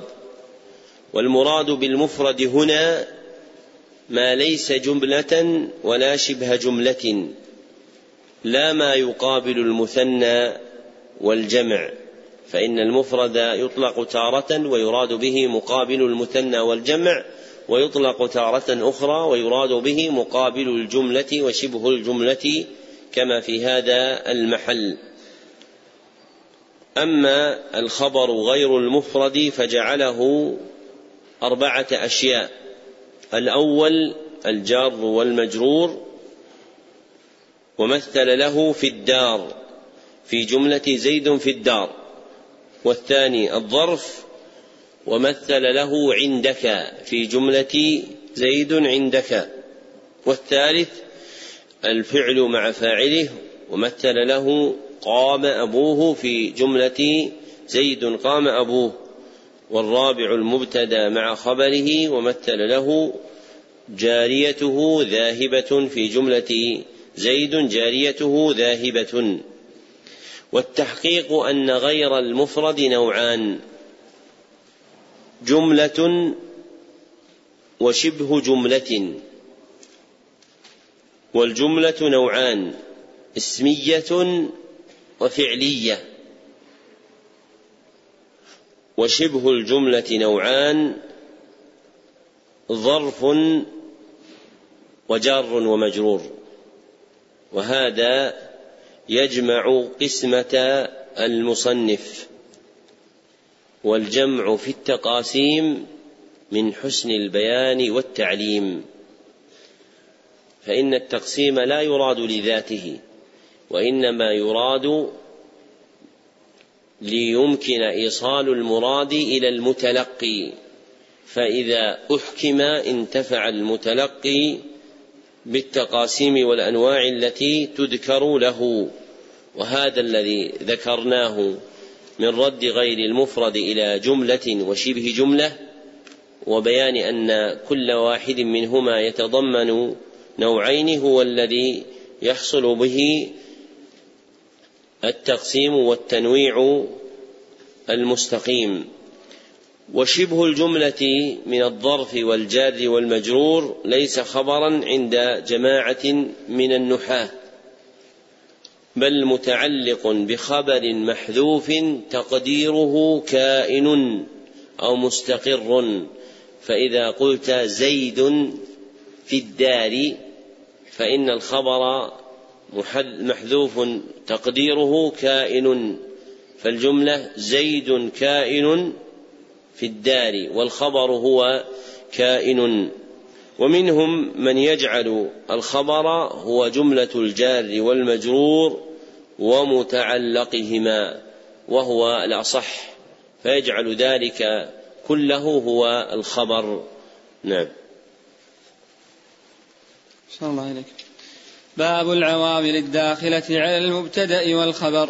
وهي ثلاثة أشياء كان وأخواتها وإن وأخواتها وظننت وأخواتها. ذكر المصنف رحمه الله الخامس والسادس من مرفوعات الأسماء وهي اسم كان وأخواتها وخبر إن وأخواتها ولم يفصح عن ذلك ابتداء ولكنه يفهم من مآل كلامه فإنه عقد ترجمة تدل عليهما وعلى غيرهما استطرادا فقال باب العوامل الداخلة على المبتدأ والخبر وهذه العوامل تغير إعراب المبتدأ والخبر فتخرجهما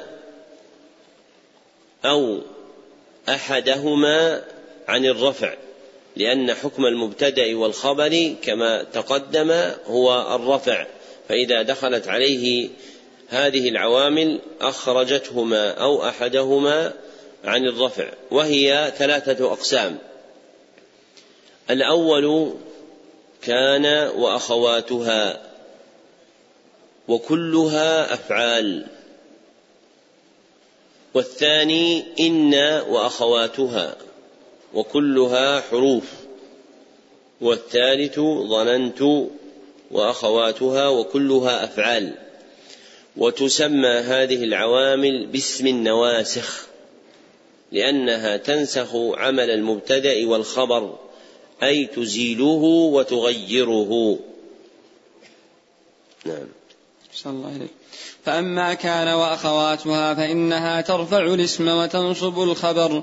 وهي كان وأمسى وأصبح وأضحى وظل وبات وصار وليس وما زال ومن فك وما فتئ وما وما فتئ وما برح وما دام وما تصرف منها نحو كان ويكون وكن وأصبح ويصبح وأصبح تقول كان زيد قائما وليس عمر شاخصا وما أشبه ذلك. ذكر المصنف رحمه الله في هذه الجملة القسم الأول من العوامل الداخلة على المبتدأ والخبر المغيرة لحكم أحدهما فقط وهو الخبر فإنه يخرج من الرفع إلى النصب ويسمى خبر كان وأخواتها. وأما المبتدأ فهو باق على حكمه ويسمى اسم كان وأخواتها. وأخوات كان أحد عشر وبضمها إليهن فعدتهن اثنا عشر وكلهن كما سبق أفعال تعمل وما تصرف منها ماضيا ومضارعا وأمرا ومنها ما لا يتصرف بحال وهما ليس اتفاقا وما دام على الصحيح. والأفعال الثلاثة والأفعال الأربعة زال وانفك وفتئ وبرح يشترط لعملها تقدم النفي أو شبه النفي وهو النهي والدعاء. ودام يشترط لعملها تقدم ما المصدرية الظرفية عليها فدام مع ما تؤولان مصدرا كقوله تعالى ما دمت حيا أي دوام حياتي. ومثل لعملها بمثالين أحدهما كان زيد قائما فزيد اسم كان مرفوع وقائما خبر كان منصوب. والآخر ليس عمر شاخصا فعمر اسم كان مرفوع وشاخصا خبر ليس فعمر اسم ليس مرفوع وشاخصا خبر ليس منصوب. نعم. الله عليك. وأما إن وأخواتها فإنها تنصب الاسم وترفع الخبر وهي إن وأن ولكن وكأن وليت ولعل. تقول إن زيدا قائم وليت عمرا شاخص وما أشبه ذلك. ومعنى إن وأن للتوكيد ولكن للاستدراك وكأن للتشبيه وليت للتمني ولعل للترجي والتوقع. ذكر المصنف رحمه الله في هذه الجملة القسم الثاني من العوامل الداخلة على المبتدأ والخبر. المغيرة لحكم أحدهما فقط وهو المبتدأ. فيخرج من الرفع إلى النصب ويسمى اسم إن وأخواتها. أما الخبر فهو باق على حكمه ويسمى خبر إن وأخواتها. وأخوات إن خمس وبضمها إليهن فعدتهن ست وكلهن حروف كما تقدم. ومثل لعملها بمثالين. أحدهما إن زيدا قائم. فزيدا اسم إن منصوب وقائم خبر إن مرفوع. والآخر ليت عمرا شاخص فعمرا اسم ليت منصوب وشاخصا خبر ليت مرفوع. ثم استطرد المصنف رحمه الله فذكر معاني هذه الحروف وبيان معانيها ليس بحثا نحويا بل هو تابع لعلم البلاغة. نعم. الله عليك وأما ظننت وأخواتها فإنها تنصب المبتدأ والخبر على أنهما مفعولان لها. وهي ظننت وحسبت وخلت وزعمت ورأيت وعلمت ووجدت واتخذت وجعلت وسمعت تقول ظننت زيدا منطلقا ورأيت عمرا شاخصا وما أشبه ذلك. ذكر المصنف رحمه الله في هذه الجملة القسم الثالث من العوامل الداخلة على المبتدأ والخبر المغيرة لحكمهما معا فإنهما يخرجان من الرفع إلى النصب ويكونان مفعولان ويكونان مفعولا ظن وأخواتها. ولا مدخل لهم في الم ولا مدخل لهما في المرفوعات. لكن المصنف أوردهما استطرادا لتتميم العوامل الداخلة على المبتدأ والخبر. وأخوات ظن على ما ذكره المصنف تسع. وبضمها إليهن فعدتهن عشر. والذي عليه أكثر النحاة أن سمع يتعدى إلى مفعول واحد وهو أصح. وتسمى هذه الأفعال أفعال القلوب تغليبا لأن اتخذت وجعلت ليس من أفعال القلوب بل هما من أفعال التصير والانتقال والتسمية باعتبار الأغلب سائغة عند العرب. والمراد برأيت هنا رأيت القلبية أي التي محلها القلب. لا رأيت البصرية التي محلها العين الباصرة. فالفرق بينهما أن محل الرؤية في القلبية هو بصيرة القلب. ومحل الرؤية في البصرية هو العين الباصرة. ومثل المصنف رحمه الله تعالى لعملها بمثالين. أحدهما ظننت زيدا قائما فزيدا مفعول به أول منصوب. وقائما مفعول به ثان منصوب. والآخر رأيت عمرا شاخصا فعمرا مفعول به منصوب وشاخصا مفعول به منصوب. وبهذا استكملنا المرفوعات الأصلية وهي الفاعل والمفعول الذي لم يسمى فاعله والمبتدا والخبر واسم كان وأخواتها وخبر إن وأخواتها. نعم. صلى الله عليه باب النعت. النعت تابع للمنعوت في رفعه ونصبه وخفضه وتعريفه وتنكيره. تقول قام زيد العاقل ورأيت زيدا العاقل ومررت بزيد العاقل.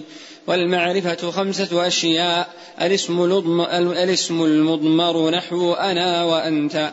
والاسم العلم نحو زيد ومكة. زيد ومكة. نحو زيد ومكة. والاسم, والاسم المبهم نحو هذا وهذه وهؤلاء. والاسم الذي فيه الألف واللام نحو الرجل والغلام. وما أضيف إلى واحد من هذه الأربعة والنكرة كل اسم شائع في جنسه لا يختص به واحد دون آخر وتقريبه كل ما صلح دخول الألف واللام عليه نحو الرجل والفرس.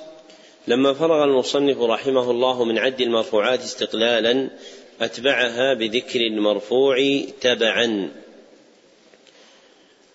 وجعله كما سبق أربعة أشياء النعت والعطف والتوكيد والبدل فعقد هذه الترجمة وثلاثة أبواب بعدها لبيان التوابع. وابتدأهن بالنعت وتعريفه هو التابع الذي يتمم بيان الذي يتمم متبوعه هو التابع الذي يتمم بيان هو التابع الذي يتمم متبوعه ببيان صفة من صفاته أو صفات ما يتعلق به. هو التابع الذي يتمم متبوعه ببيان صفة من صفاته أو صفات ما يتعلق به. ومثل له فقال قام زيد زيد العاقل ورأيت زيدا العاقل ومررت بزيد العاقل. فالعاقل في الأمثلة المذكورة تابع للمنعوت وهو زيد. تبعه في إعرابه بالرفع والنصب والخفض وفي تعريفه. وهذه التبعية في التعريف ومقابله التنكير اقتضت بيان المعرفة والنكرة.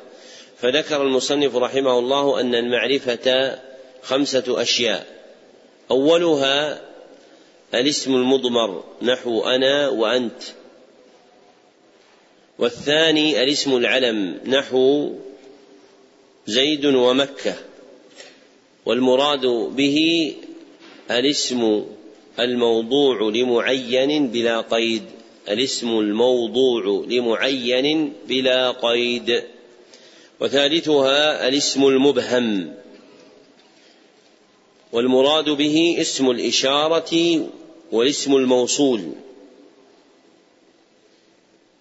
وسمي مبهما لأنه يفتقر في بيان مسماه إلى قرينة كإشارة أو صلة. ورابعها الاسم الذي فيه الألف واللام أي المحلى بهما نحو الرجل والغلام.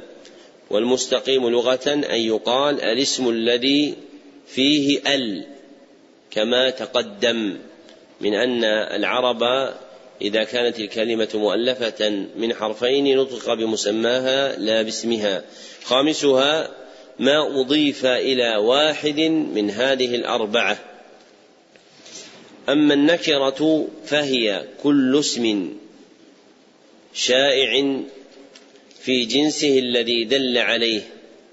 كل اسم شائع في جنسه الذي دل عليه فلا يختص بواحد من أفراده. وقربه المصنف بقوله كل ما صلح دخول الألف واللام عليه نحو الرجل والفرس. والمراد بها الألف واللام المعرفة. فما حسن دخول ال عليه فهو نكرة وما لم يحسن دخولها عليه فليس بنكرة وتبعية النعت لمنعوته هي في رفعه ونصبه وخفضه وفي تعريفه وتنكيره وتقترن أيضا بالتبعية له في إفراده وتثنيته وجمعه وفي تذكيره وتأنيثه نعم.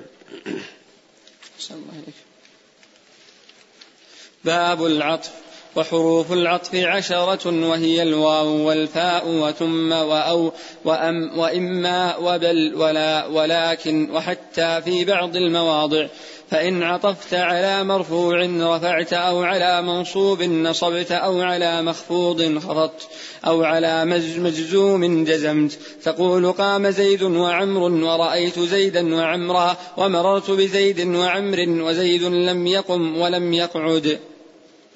هذا هو التابع الثاني من التوابع الأربعة وهو العطف.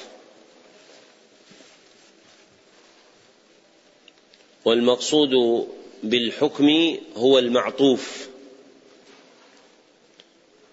وحده النحوي تابع يتوسط بينه وبين متبوعه حرف مخصوص. تابع يتوسط بينه وبين متبوعه حرف مخصوص. ويسمى عطف النسق.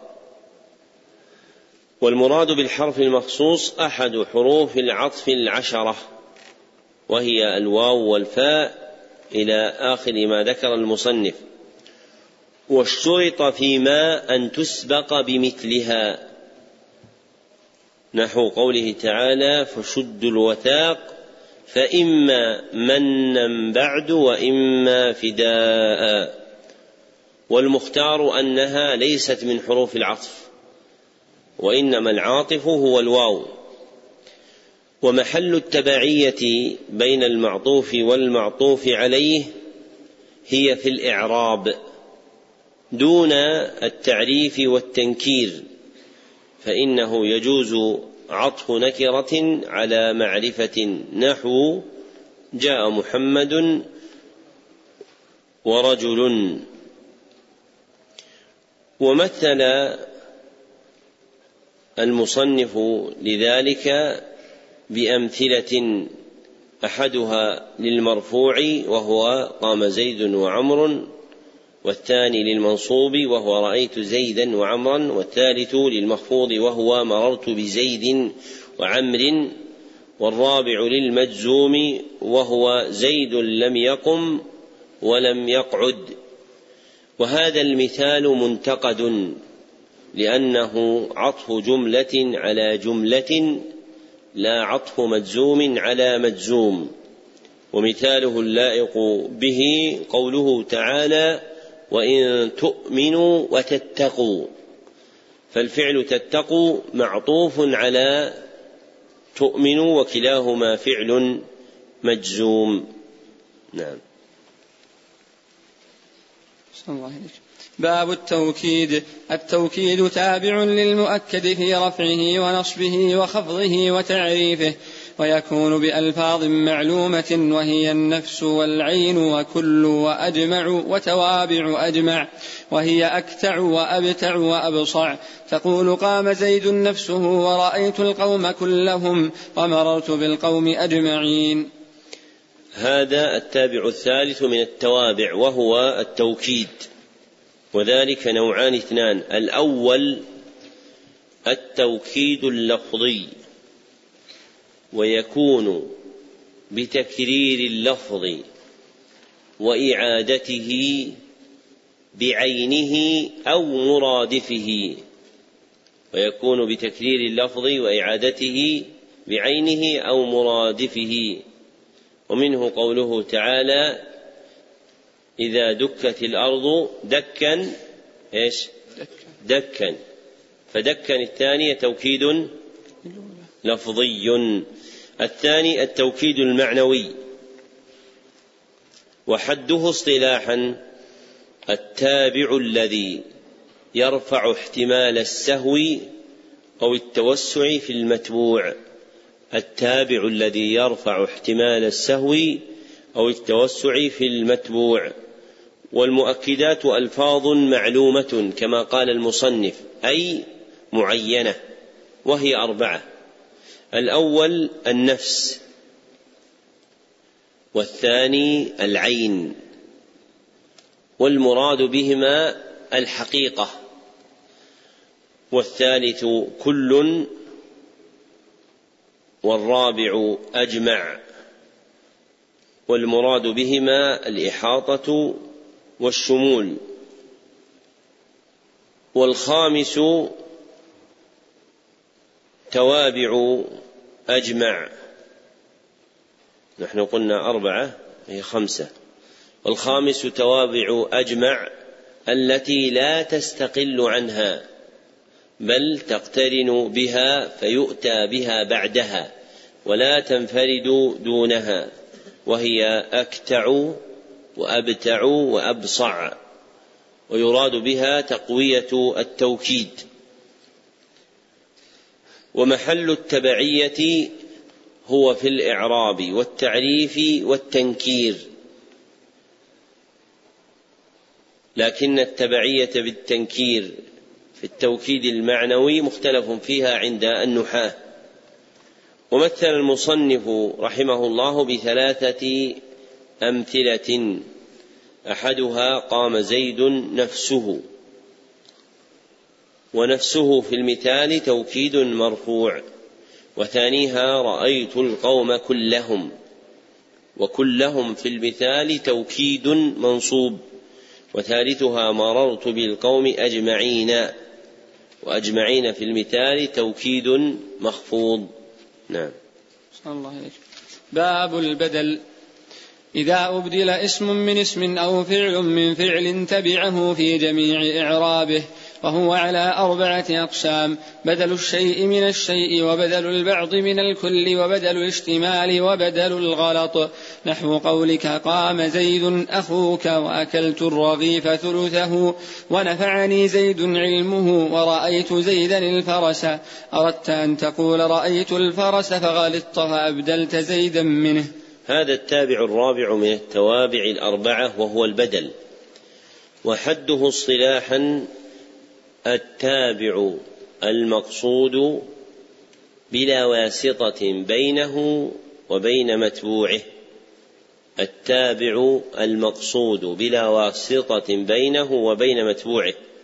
والتبعية هنا مخصوصة بالإعراب فقط كما صرح به المصنف.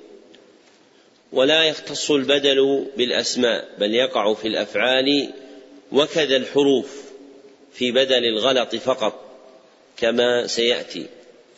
وأقسامه أربعة ذكرها المصنف رحمه الله وأتبعها بأمثلة أربعة. الأول بدل الشيء من الشيء فيكون البدل عين المبدل منه.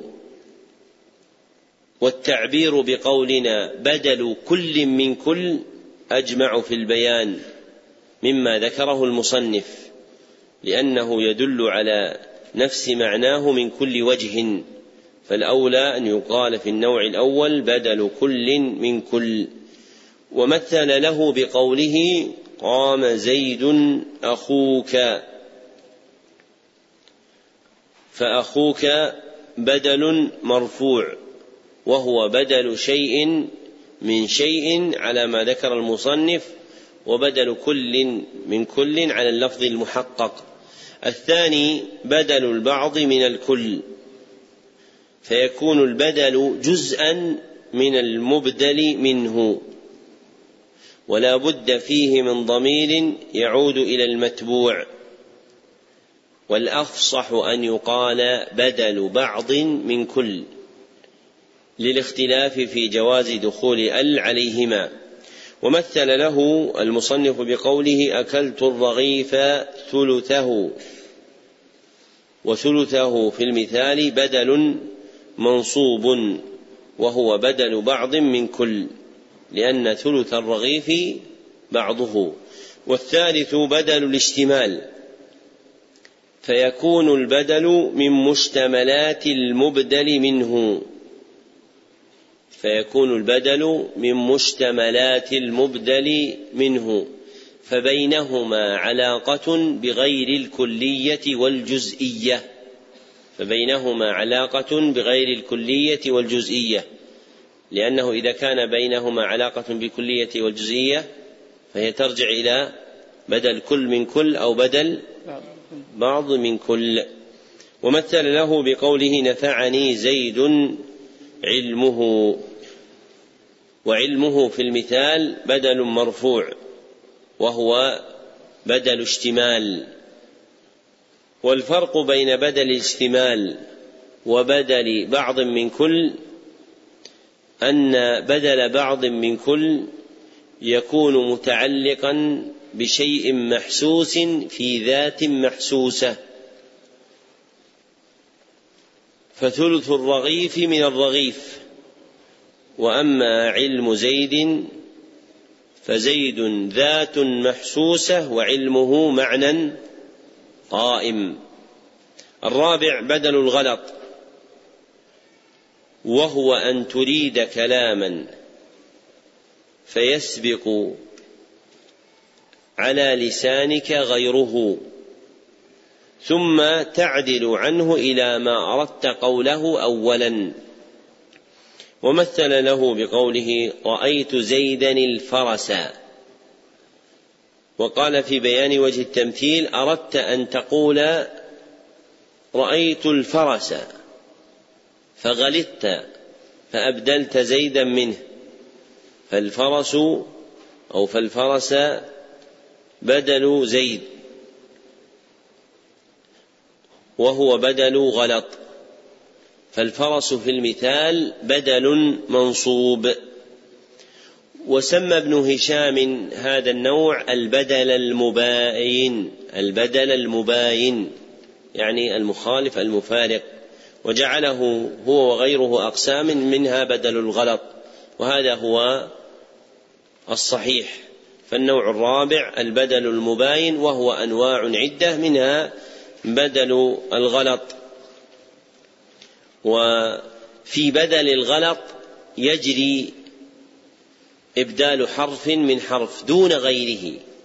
فإن بدل الحرف من الحرف لا يمكن إلا في بدل الغلط. كما تقول جاء محمد في إلى المسجد.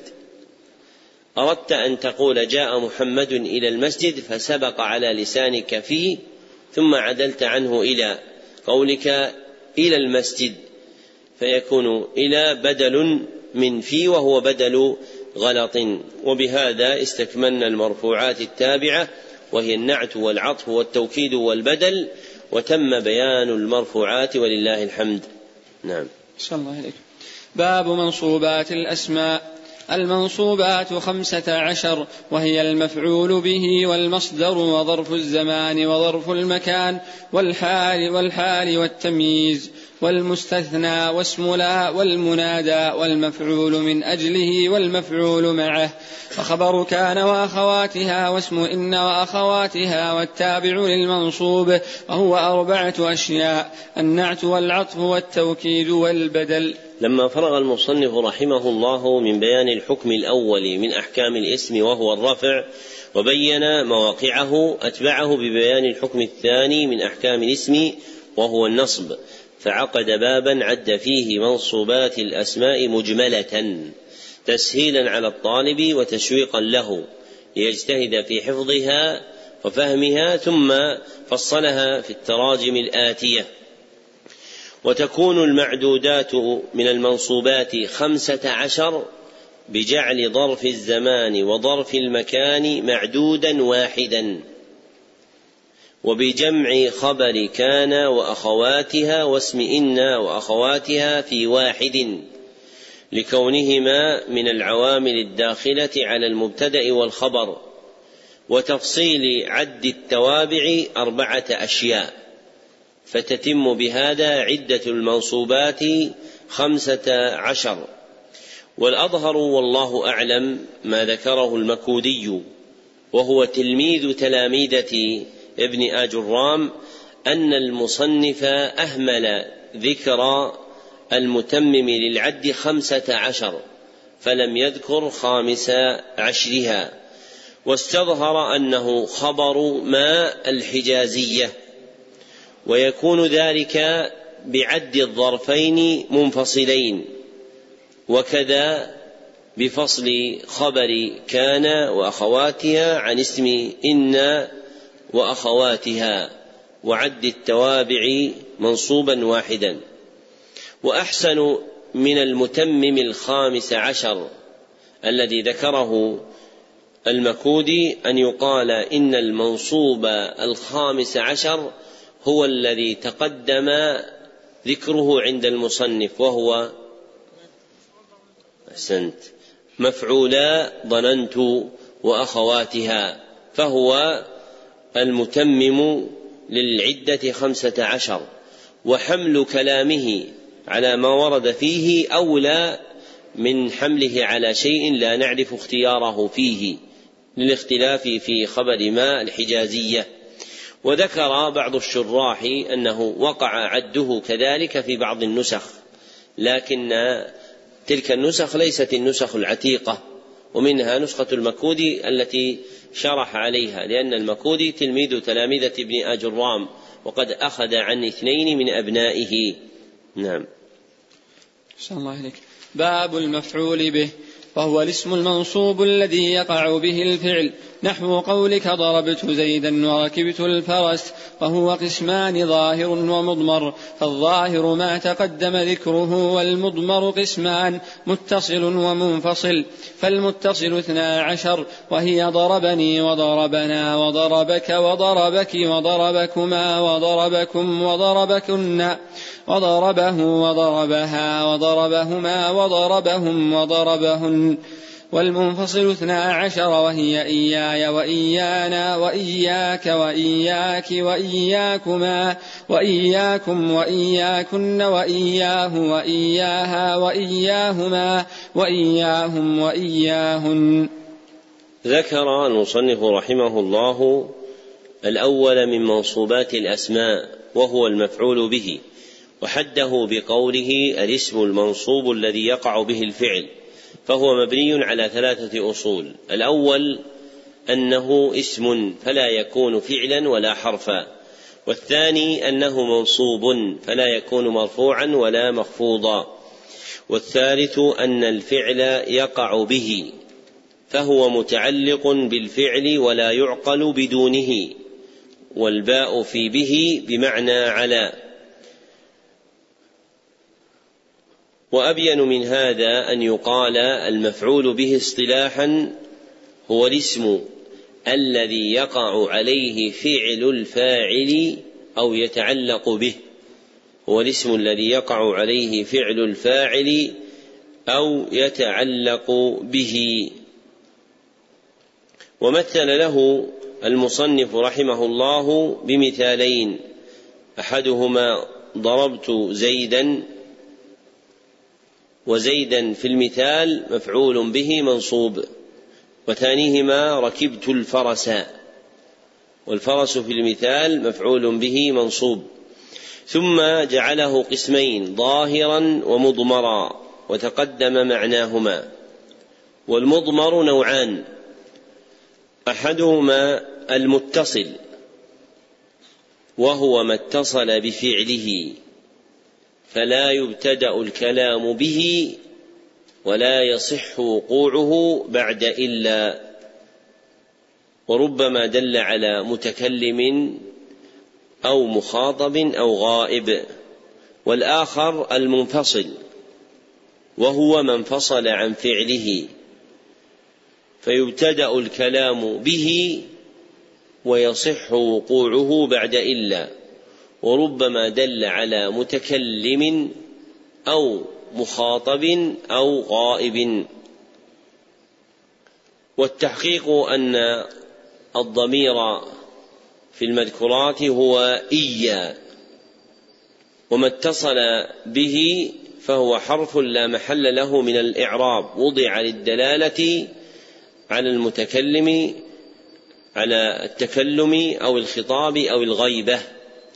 ثم ذكر المصنف أن المفعول به المضمر أربعة وعشرون نوعا اثنا عشر نوعا للمتصل واثنا عشر نوعا للمنفصل وكلها ضمائر مبنية في محل نصب مفعول به وساق أمثلتها. نعم. صلى الله إليك باب المصدر المصدر هو الاسم المنصوب الذي يجيء ثالثا في تصريف الفعل نحو ضرب يضرب ضربا وهو قسمان لفظي ومعنوي فإن وافق لفظه لفظ فعله فهو لفظي. نحو قتلته قتلا وإن وافق معنى فعله دون لفظه فهو معنوي. نحو جلست قعودا وقمت وقوفا وما أشبه ذلك. ذكر المصنف رحمه الله تعالى الثاني من منصوبات الأسماء وهو المصدر. والمقصود منه هنا هو المفعول المطلق بدلالة التقسيم والتمثيل. والمصدر أوسع من هذا. فإن المصدر هو اسم الحدث الجاري على فعله أو غير فعله. هو اسم الحدث الجاري على فعله أو غير فعله. فمثلا في قولك أعجبني فهمك فهم مصدر لم يجري على فعله. فالفهم شيء والإعجاب شيء آخر. وأما المفعول المطلق فهو الاسم الذي يكون فيه الحدث جار على فعله إما حقيقة أو حكما كما سيأتي في أنواعه. فقولك مثلا قمت قياما وقولك قمت وقوفا فإن قياما وموقوفا في المثالين كلاهما مفعول مطلق لأنه جار في الأول على نسق فعله حقيقة وجار في الثاني على نسق فعله حكما. وحده المصنف بقوله الاسم المنصوب الذي يجيء ثالثا في تصريف الفعل فهو مبني على ثلاثة أصول. الأول أنه اسم فلا يكون فعلا ولا حرفا والثاني أنه منصوب فلا يكون مرفوعا ولا مخفوضا والثالث أنه يجيء ثالثا في تصريف الفعل. وهذا تقريب كما ذكر المكولي وغيره وكأنه أحال على اصطلاح النحاة في تصريف الفعل فإنه إذا قيل لنحوي كيف تصرف ضرب قال ضرب يضرب ضربا فهو الذي يجيء ثالثا في تصريف الفعل عندهم بحسب ما تواطؤوا عليه. ثم جعله قسمين لفظي ثم جعله قسمين لفظيا ومعنويا. فأحدهما اللفظي وهو ما وافق لفظه ومعناه لفظ فعله ومعناه وهو ما وافق لفظه ومعناه لفظ فعله ومعناه. ومثل له المصنف رحمه الله بقوله قتلته قتلا. فقتلا في المثال مفعول مطلق منصوب. وقد وافق فعله في اللفظ والمعنى والآخر المعنوي. وهو ما وافق لفظه معنى فعله دون لفظه. ومثل له المصنف بمثالين. أحدهما جلست قعودا فقعودا في المثال مفعول مطلق منصوب وهو معنوي لأن القعود يوافق الجلوس في المعنى دون اللفظ. وثانيهما قمت وقوفا فوقوفا في المثال مفعول مطلق منصوب وهو معنوي لأن الوقوف يوافق القيام في المعنى دون اللفظ. وذهب جمهور أهل العربية إلى أن المعنوي منصوب بفعل مقدر من جنس المفعول فقولك جلست قعودا تقديره جلست وقعدت قعودا. وقولك قمت وقوفا تقديره قمت ووقفت وقوفا فالناصب فعل مقدر من جنس لفظ المفعول المطلق. أنتم تلاحظون بعض المسائل يمر علينا فيها إيش؟ التقدير. مثل هنا قدروا فعلا من جنس المفعول المطلق. والنحاة يقولون لولا الحذف والتقدير إيش؟ لعلف النحو الحمير. يعني صار علف للحمير. لسهولته بلا حذف ولا تقدير. وبهذا تسلط النحاة على مخالفيهم. فإن النحوي أبلغ أهل الفنون حجة. فمهما أردت أن تلحنه استخرج لك وجها في تصويب قوله. نعم. الله إليك باب ظرف الزمان وظرف المكان. ظرف الزمان هو اسم الزمان المنصوب بتقدير في نحو اليوم والليلة وغدوة وبكرة وسحرا وغدا وعتمة وصباحا ومساء وأبدا وأمدا وحينا وما أشبه ذلك. وظرف المكان هو اسم المكان المنصوب بتقدير في نحو أمام وخلف وقدام ووراء وفوق وتحت وعند ومع وإزاء وحذاء وتلقاء وثم وهنا وما وثم. أحسن الله عليك. وتلقاء وثم وهنا وما أشبه ذلك. ذكر المصنف رحمه الله الثالث والرابع من منصوبات الأسماء وهما ظرف الزمان وظرف المكان ويقال لهما المفعول فيه. فظرف الزمان يبين الزمن الذي حصل فيه الفعل وظرف المكان يبين المكان الذي حصل فيه الفعل. وحد المصنف ظرف الزمان بقوله هو اسم الزمان المنصوب بتقدير في وهو مبني على أربعة أصول. الأول أنه اسم فلا يكون فعلا ولا حرفا. والثاني أنه اسم مختص بالزمان فلا يكون اسم غير الزمان. وضابطه صحة وقوعه. جوابا لسؤال أداته متى؟ وضابطه صحة وقوعه. جوابا لسؤال أداته متى؟ الثالث أنه منصوب فلا يكون مرفوعا ولا مخفوضا. والرابع أنه منصوب بتقدير في أي متضمن معناه. ثم ذكر اثنا عشر اسما من أسماء الزمان هي اليوم والليلة وغدوة إلى آخر ما ذكر. فإذا جاءت في الجملة على تقدير في أعربت ظرف زمان. كقولك سرت ليلة. فليلة ظرف زمان منصوب على الظرفية.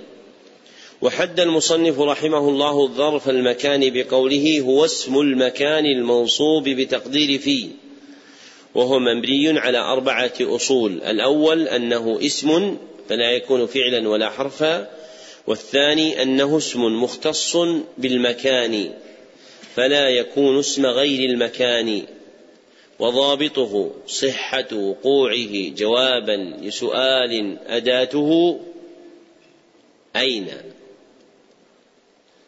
وضابطه صحة وقوعه جوابا لسؤال أداته أين؟ الثالث أنه منصوب فلا يكون مرفوعا ولا مخفوضا. الرابع أنه منصوب على تقدير في أي متضمن لمعناه. ثم ذكر اثنا عشر اسما من أسماء المكان هي أمام وخلف إلى آخر ما ذكر. فإذا جاءت في جملة على تقدير في أعربت ظرف إيش؟ مكان أم زمان؟ مكان أم زمان؟ أمام وخلفه نحن نتكلم عن أمام وخلفه زمان ولا مكان؟ مكان. مثاله جلست أمام المعلم. فأمام ظرف مكان منصوب على الظرفية والجامع لتعريف المفعول فيه اصطلاحا قولنا هو اسم زمان أو مكان يقدر بفي هو اسم زمان أو مكان يقدر بفي. وحكم ظرف الزمان والمكان النصب على أنه مفعول فيه أو قل ظرف زمان وظرف مكان. وفي قوله وما أشبه ذلك إشارة إلى أن ظروف الزمان والمكان كثيرة لكنه ذكر هنا أهمها. نعم. شاء الله إليك. باب الحال. الحال هو الاسم المنصوب المفسر لما هو الاسم المنصوب المفسر لمن بهم من الهيئات. نحو قولك جاء زيد راكبا وركبت الفرس مسرجا ولقيت عبد الله راكبا وما أشبه ذلك. ولا يكون الحال إلا نكرة ولا يكون إلا بعد تمام الكلام. ولا يكون صاحبها إلا معرفة. ذكر المصنف رحمه الله الخامس من منصوبات الأسماء وهو الحال. وحده بقوله الاسم المنصوب المفسر لمن بهم من الهيئات. وهو مبني على ثلاثة أصول. الأول أنه اسم فلا يكون فعلا ولا حرفا وهذا هو الغالب. وربما كانت الحال جملة أو شبه جملة. الثاني أنه منصوب فلا يكون مرفوعا ولا مخفوضا. الثالث أنه يفسر من بهم من الهيئات دون من بهم من الذوات فالمفسر لما أبهم من الذوات هو التمييز. فالحال تتعلق بتفسير الهيئة التي علقت بالفعل. وانبهم ليست فصيحة وحملها على الفصيح يقتضي أن تكون عبارة الآجرامية في حد الحال. بعد إخراج الحكم منه هو الاسم المفسر لما أبهم من الهيئات فهذا هو حد الحال الاسم المفسر لما أبهم من الهيئات. وضابطها صحة وقوعها جوابا لسؤال أداته كيف؟ صحة وقوعه جوابا لسؤال أداته كيف؟ ومثل له المصنف رحمه الله بثلاثة أمثلة. أحدها جاء زيد راكبا وثانيها ركبت الفرس مسرجا وثالثها لقيت عبد الله راكبا. فراكبا في المثال الأول والثالث حال منصوبة ومسرجا في المثال الثاني حال منصوبة. وكلها كما تلاحظون تفسر ما أبهم من هيئة ركوبه في المثال الأول بدون ذكر المركوب وفي المثال الثاني بذكر المركوب وهو الفرس. ثم ذكر المصنف رحمه الله شروط الحال وهي ثلاثة. أولها ألا أنه لا يكون إلا نكرة لا معرفة. لا يكون إلا نكرة لا معرفة. وثانيها أنه لا يكون إلا بعد تمام الكلام. فلو لم يذكر كان الكلام تاما. فلو قلت جاء زيد ولم تذكر راكبا كان كانت الجملة تامة. وثالثها لا يكون صاحبها إلا معرفة لا نكرة. لا يكون صاحبها إلا معرفة لا نكرة. وما جاء في المثل اللغوية من كلام العرب نكرة فهو مؤول بالمعرفة. نعم. باب التمييز. التمييز هو الاسم المنصوب المفسر لمن بهم من الذوات. نحو قولك تصبب زيد عرقا وتفقأ بكر شحما وطاب محمد نفسا. واشتريت عشرين غلاما وملكت تسعين نعجة وزيد أكرم منك أبا وأجمل منك وجها ولا يكون إلا نكرة ولا يكون إلا بعد تمام الكلام. ذكر المصنف رحمه الله السادس من منصوبات الأسماء وهو التمييز وحده بقوله الاسم المنصوب المفسر لمن بهم من الذوات وهو مبني على ثلاثة أصول.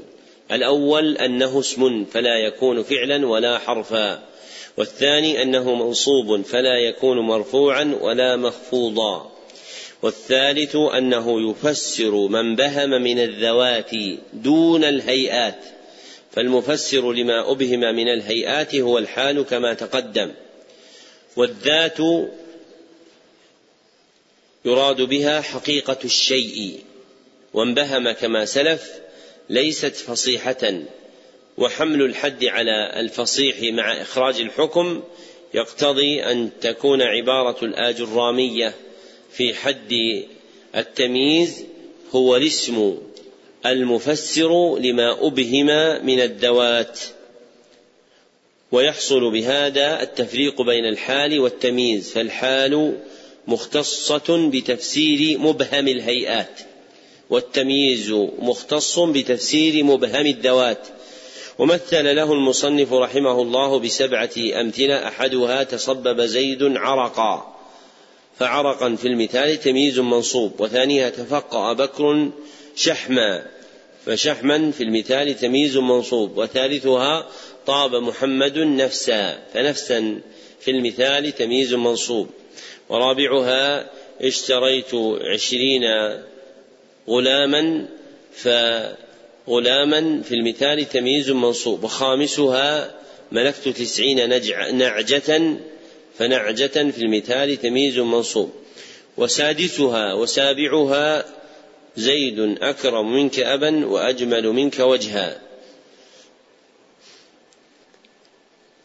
فأكرم منك أبا وأجمل منك وجها كلاهما في جملة في محل تمييز منصوب. ثم ذكر المصنف رحمه الله شروط التمييز وهي اثنان. أولهما لا يكون إلا نكرة أنه لا يكون إلا نكرة لا معرفة. وثانيهما أنه لا يكون إلا بعد تمام الكلام. فلو لم يذكر كان الكلام تاما. وهذا هو الغالب. فقد يأتي قبل تمام الكلام. نحو عشرون درهما عندي. نعم. صلى الله عليك. باب الاستثناء. وحروف الاستثناء ثمانية وهي إلا وغير وسوى وسوى وسواء وخلا وعدا وحاشا. فالمستثنى بإلا ينصب إذا كان الكلام تاما موجبا. نحو قام القوم إلا زيدا وخرج الناس إلا عمرا. وإن كان الكلام منفيا تاما جاز فيه البدل والنصب على الاستثناء. نحو ما قام القوم إلا زيد وإلا زيدا. وإن كان الكلام ناقصا على كان على حسب العوامل. نحو ما قام إلا زيد وما ضربت إلا زيدا. وما مررت إلا بزيد الزيد والمستثنى بغير بغير وبسوى وسوى وسواء مجرور لا غير. والمستثنى بخلا وعاد وعدا وحاشا يجوز نصبه وجره. نحو قام القوم خلا زيدا وزيد وعدا عمرا وعمر وحاشا بكرا وبكر. ذكر المصنف رحمه الله السابع من منصوبات الأسماء وهو المستثنى وترجم له باب الاستثناء. لا المستثنى لأنه ذكر مسائل تتعلق بأداة الاستثناء وحكم المستثنى. وهذه الترجمة لا تدل على المنصوب وإنما تدل على المقتضي الذي أوجب النصب. وقد عدل حذاق النحاة عن هذا إلى الترجمة بقولهم باب المستثنى فالذي يقع عليه النصب بحسب حاله هو المستثنى. وعرفوا المستثنى بأنه ما دخلت عليه إلا أو إحدى أخواتها ما دخلت عليه إلا أو إحدى أخواتها. فهو اسم واقع بعد إلا وأخواتها. والاستثناء عندهم هو إخراج شيء من شيء بإلا أو إحدى أخواتها. هو إخراج شيء من شيء بإلا أو إحدى أخواتها. والمستثنى منه هو السابق لإلا وأخواتها. واستفتح المصنف مسائله ببيان أدوات الاستثناء فقال وحروف الاستثناء ثمانية وهي إلا وغير إلى آخر ما عد. والحرف في كلامه محمول على إرادة المعنى اللغوي وهو الكلمة لا على المعنى الاصطلاحي. لأن المذكورات ليست كلها حروفا وهذا شيء لا يخفى على مثل ابن آجرام بل إلا حرف وغير وسوى وسوى وسواء أسماء وخلا وعدا وحاشا مترددة بين الفعلية والحرفية كما سيأتي. ولعله سماها حروفا من باب التغليب لأشهرها فإن أشهرها هو إلا وإلا حرف فجعل اسم المشهور اسما للكل وهذا سائغ. وحصرها في ثمانية متعقب بزيادة ليس ولا يكون ولا يكون عند الجمهور فإن ليس ولا يكون من أدوات الاستثناء عند الجمهور كما أن سوى وسوى وسواء لغات في كلمة واحدة وفيها لغة رابعة هي سوى بكسر السين مع المد. وإذا عد وإذا عدت سوى بلغاتها الأربع كلمة واحدة وألحقت زيادة ليس ولا يكون بهن صارت أدواته ثمانية. ثم ذكر حكم المستثنى بإلا وبين أن له ثلاثة أحكام. فالحكم الأول نصبه على الاستثناء. إذا كان الكلام تاما موجبا. ومعنى كونه تاما أن يذكر فيه المستثنى منه.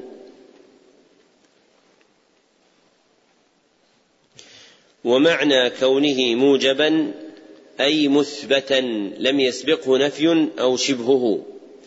ومثل له المصنف بمثالين. الأول قام القوم إلا زيدا. وزيدا في المثال مستثنى منصوب. والثاني خرج الناس إلا عمرا. وعمرا في المثال مستثنى منصوب. والكلام في الجملتين تام موجب. فهما تامة المعنى بدون ذكر الاستثناء وهما موجبتان لم تسبقا بنفي أو شبهه فيتعين فيهما نصب المستثنى.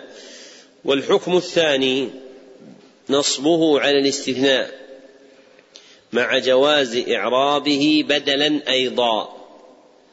وذلك إذا كان الكلام تاما منفيا. وسبق أن التام هو ما يذكر فيه المستثنى منه ومعنى كونه منفيا أن يسبقه نفي. ويلحق بالنفي النهي والاستفهام والأولى أن يقال عوضا عن النفي أن يقال غير موجب إذا كان الكلام غير موجب ليعم النفي والنهي والاستفهام. ومثل له المصنف بمثال واحد هو ما قام القوم إلا زيد وإلا زيدا. فزيد في المثال الأول بدل من قوم من قوم مرفوع. وفي المثال الثاني مستثنى منصوب. فإذا كان الكلام في الجملة تاما غير موجب جاز نصبه على الاستثناء وإعرابه بحسب العوامل بدلا. والحكم الثالث إعرابه حسب العوامل. وذلك إذا كان الكلام ناقصا. ومعنى كونه ناقصا ألا يذكر فيه المستثنى منه. ويفتقر فيه العامل إلى معموله ولا يكون إلا منفيا. ومثل له المصنف بثلاثة أمثلة. الأول ما قام إلا زيد. فزيد هنا مستثنى مرفوع لأنه فاعل. والثاني ما ضربت إلا زيدا. فزيدا هنا مستثنى منصوب لأنه مفعول به. والثالث ما مررت إلا بزيد وزيد هنا مستثنى مخفوض لدخول حرف الخفض عليه. ثم ذكر حكم المستثنى بسوى وسوى وسواء وغير وأنه مجرور وذلك بالإضافة. ثم ذكر حكم المستثنى بخلا وعدا وحاشا. وبين أن له حكمين. فالحكم الأول جواز نصبه على أنها أفعال ماضية فاعلها ضمير مستتر وجوبا. والثاني جواز جره على أنها حروف جر. ومثل له المصنف بثلاثة أمثلة نسقا هي قام القوم خلا زيدا وزيد وعدا عمرا وعمر وحاشا بكرا وبكر. فزيدا في المثال الأول مفعول به منصوب وهو مستثنى وعلى الجر في المثال الثاني زيد اسم مخفوض بخلاء. وكذلك القول في عدا عمرا وعمر وحاشا بكرا وبكر فإن الباب واحد. نعم. الله إليك باب لا اعلم أن لا تنصب النكرات بغير تنوين. إذا باشرت النكرة ولم تتكرر لا نحو لا رجل في الدار. فإن لم تباشرها وجب الرفع ووجب تكرار لا نحو لا في الدار رجل ولا امرأة. وإن تكررت لا جاز إعمالها وإلغاؤها فإن شئت قلت لا رجل في الدار ولا امرأة وإن شئت قلت لا رجل في الدار ولا امرأة. ذكر المصنف رحمه الله الثامن من منصوبات الأسماء وهو اسم لا النافية للجنس التي تنفي الخبر عن جميع أفراد جنس اسمها. وهي تعمل عمل إن وأخواتها المتقدم. وبوب المصنف رحمه الله باب لا دون قوله باب اسم لا وإن كان هو المراد في المنصوب في منصوبات الأسماء لكن لما كان لها أحوال يلغى فيها عملها بوب بها فقال باب لا. ومجموع ما ذكره المصنف رحمه الله من أحوالها ثلاثة. فالحال الأولى أنها تنصب اسمها لفظا أو محلا. فإن كان اسمها مضافا أو شبيها بالمضاف نصب. وإن كان مفردا بني على ما ينصب به. وإن كان مفردا بني على ما ينصب به والمفرد هو ما ليس جملة ولا شبه جملة والمضاف هو الاسم المقيد بالنسبة إلى اسم آخر هو الاسم المقيد بالنسبة إلى اسم آخر نحو عبد الله والشبيه بالمضاف هو ما تعلق به شيء من تمام معناه. هو ما تعلق به شيء من تمام معناه. كقولك ذاكرا ربك.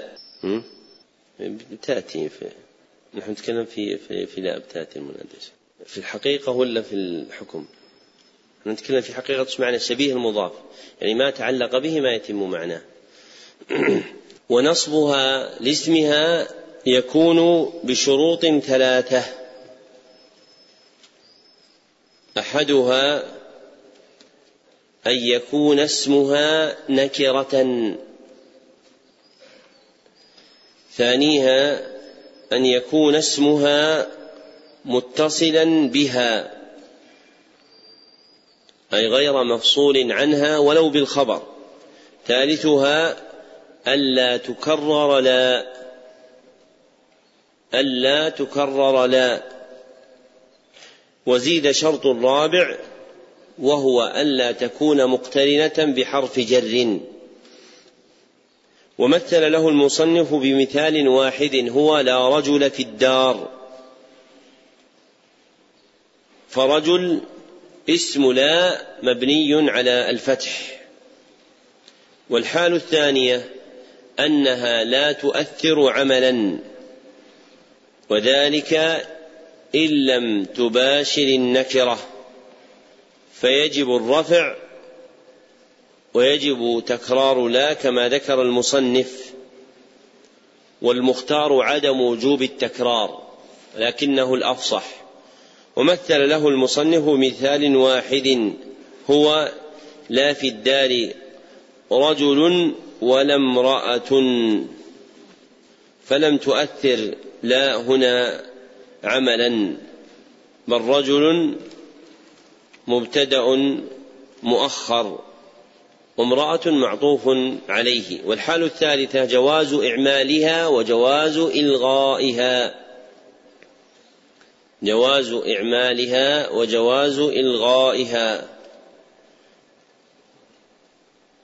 وذلك إذا باشرت النكرة وتكررت. إذا باشرت النكرة وتكررت. فإن شئت قلت لا رجل في الدار ولا امرأة وإن شئت قلت لا رجل في الدار ولا امرأة. ف رجل في المثال الأول اسم لا مبني على الفتح وامرأة معطوف عليه. ورجل في المثال الثاني مبتدأ مرفوع وامرأة معطوف عليه وعمل لا في المثال الثاني ملغى. نعم. الله عليه. باب المنادى. المنادى خمسة أنواع. المفرد العلم والنكرة المقصودة والنكرة غير المقصودة. والمضاف والمشبه بالمضاف. فأما المفرد العلم والنكرة المقصودة فيبنيان على الضم من غير تنوين. نحو يا زيد يا رجل. والثلاثة الباقية منصوبة لا غير. ذكر المصنف رحمه الله التاسع من منصوبات الأسماء وهو المنادى. وحده اسم وقع عليه طلب الإقبال بيا أو إحدى أخواتها. اسم وقع عليه طلب الإقبال بيا أو إحدى أخواتها.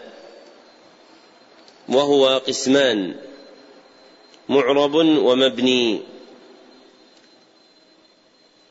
وأخوات يا الهمزة وأي وآ بالمد وأيا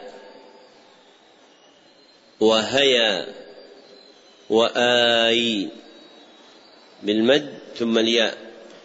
والأصل في باب النداء هو ياء فهي أم الباب. وبوب المصنف رحمه الله باب المنادى دون تقييد يخص المنصوبات لأن له حالا يخرج فيها عن النصب وأورد في باب المنصوبات لأجل ما اشتمل عليه من أنواعها. فللمنادى حالان.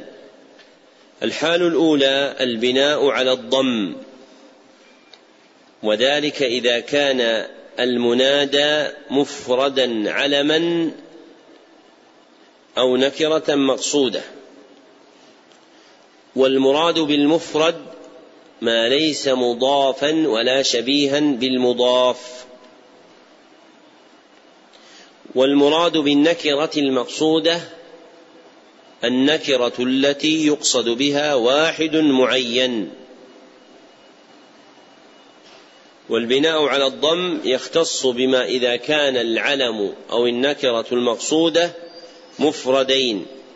أما إذا كان مثنيين فالبناء على الألف وإذا كان جمع مذكر سالم فالبناء على الواو.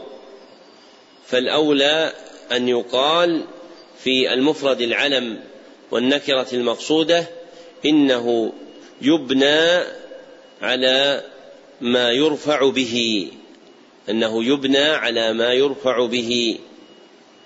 ومثل المصنف لكل بمثال فمثال المفرد العلم يا زيد. فزيد علم منادى مبني على الضم. ومثال النكرة المقصودة يا رجل فرجل منادى مبني على الضم. والحال الثانية النصب. وذلك إذا كان المنادى نكرة غير مقصودة أو مضافا أو شبيها بالمضاف. والمراد بالنكرة المقصودة النكرة والمراد بالنكرة غير المقصودة. والمراد بالنكرة غير المقصودة النكرة التي يقصد بها واحد غير معين. النكرة التي يقصد بها واحد غير معين. كقول الأعمى يا رجلا خذ بيدي.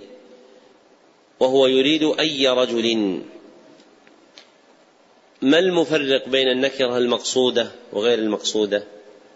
كيف نعلم أن هذه مقصودة أو غير مقصودة؟ نعم. إيش؟ تعليل؟ كيف التعليل؟ وكيف أعينه؟ إذا قصدت رجل معين قد قصد رجل غير معين كيف أعينه؟ آه. إيش؟ تعينه بالوصف؟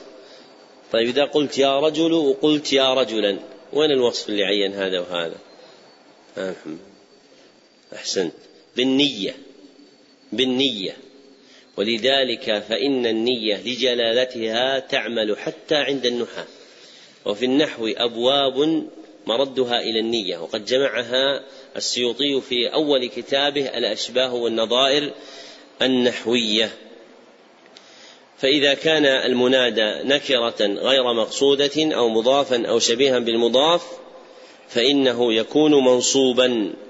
وهذا وجه ذكره في هذا الباب.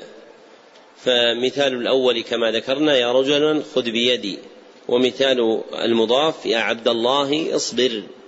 ومثال الشبيه أو المشبه بمضاف يا ذاكرا ربك استكثر من ذكره. نعم. الله إليه باب المفعول من أجله وهو الاسم المنصوب الذي يذكر بيانا لسبب وقوع الفعل.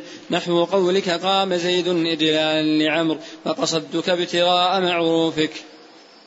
ذكر المصنف رحمه الله العاشر من منصوبات الأسماء وهو المفعول من أجله ويقال له المفعول لأجله ويقال له أيضا المفعول له وحده بقوله الاسم المنصوب الذي يذكر بيانا لسبب وقوع الفعل وهو مبني على ثلاثة أصول. الأول أنه اسم فلا يكون فعلا ولا حرفا.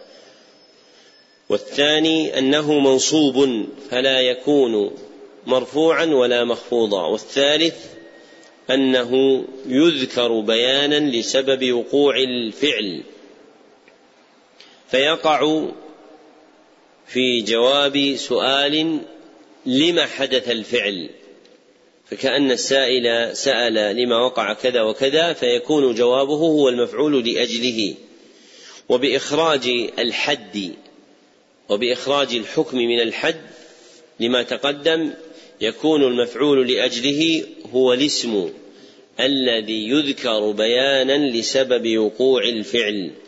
هو الاسم الذي يذكر بيانا لسبب وقوع الفعل.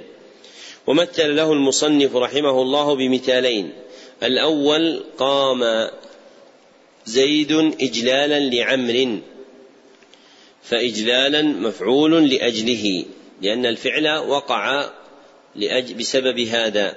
الثاني قصدتك ابتغاء معروفك. وابتغاء مفعول لأجله منصوب. نعم. باب المفعول معه. وهو الاسم المنصوب الذي يذكر لبيان من فعل معه الفعل. نحو قولك جاء الأمير والجيش. واستوى الماء والخشبة وأما خبر كان وأخواتها واسم إن وأخواتها فقد تقدم ذكرهما في المرفوعات وكذلك التوابع فقد تقدمت هناك. ذكر المصنف رحمه الله الحادي عشر من منصوبات الأسماء وهو المفعول معه وأخره عن بقية المفاعيل لأنه سماعي لا يقاس عليه عند قوم من النحاة. والجمهور على خلافه وحده بقوله الاسم المنصوب الذي يذكر لبيان من فعل معه الفعل وهو مبني على ثلاثة أصول. الأول أنه اسم فلا يكون حرفا ولا فعلا. والثاني أنه منصوب فلا يكون مرفوعا ولا مخفوضا. والثالث أنه يذكر لبيان من فعل معه الفعل. وأوضح من هذا الحد أن يقال هو الاسم الذي وقع الفعل بمصاحبته. هو الاسم الذي وقع الفعل بمصاحبته. يعني أن المفعول معه يجيء لبيان من فعل ذلك الفعل معه. ومثل له المصنف رحمه الله تعالى بمثالين. الأول جاء الأمير والجيش. فالجيش مفعول معه منصوب والمعنى جاء الأمير مع الجيش. والثاني استوى الماء والخشبة فالخشبة مفعول معه منصوب. والمثالان يفصحان عن تقسيم المفعول معه إلى قسمين. الأول قسم يصح أن يجعل معطوفا. قسم يصح أن يجعل معطوفا لكن يعرض فيه عن معنى العطف وتقصد فيه المعية بالنصب على المفعول معه. قسم يصح أن يجعل معطوفا لكن يعرض فيه عن معنى العطف وتقصد فيه المعية فينصب على أنه مفعول معه. فالمثال الأول جاء الأمير والجيش نصب الجيش على أنه مفعول معه لأنه قصدت فيه المعية ولم يقصد العطف فالمقصود أن الأمير جاء ومعه الجيش وليس معنى الكلام جاء الأمير وجاء الجيش فإنك إذا عطفت قلت جاء الأمير وجاء الجيش. ولكنك لا تريد العطف وإنما تريد إيش؟ المعية. ما الذي يدلنا على أنك تريد المعية؟ النية. النية. وهذا من المسائل التي للنية فيها مدخل عند النحاة. والقسم الثاني قسم لا يصح أن يكون معطوفا. قسم لا يصح أن يكون معطوفا. فالمثال الثاني استوى الماء والخشبة نصبت الخشبة مفعولا معه لأنها دلت على من وقع الفعل بمصاحبته. ولا تصح أن تكون معطوفة لأن الخشبة لا تستوي مع الماء إنما يستوي الماء معها أي يصل إليها. والمراد ما كان يجعل في النهر لمعرفة مدى ارتفاعه فينصب فيه خشبة بهيئة عمود يعرف بها نسبة ارتفاع الماء فهي المقصودة في المثال النحوي. وأشار المصنف رحمه الله بعدما سبق إلى الثاني عشر والثالث عشر من منصوبات الأسماء وهما خبر كان وأخواتها واسم إن وأخواتها. وقد تقدم تابعين لمناسبتهما استطرادا في مرفوعات الأسماء فلم يعدهما اختصارا. وأشار أيضا إلى الرابع عشر من منصوبات الأسماء وهو التوابع ويفسرها قوله في عد منصوبات الأسماء والتابع للمنصوب وهو أربعة أشياء النعت والعطف والتوكيد والبدل.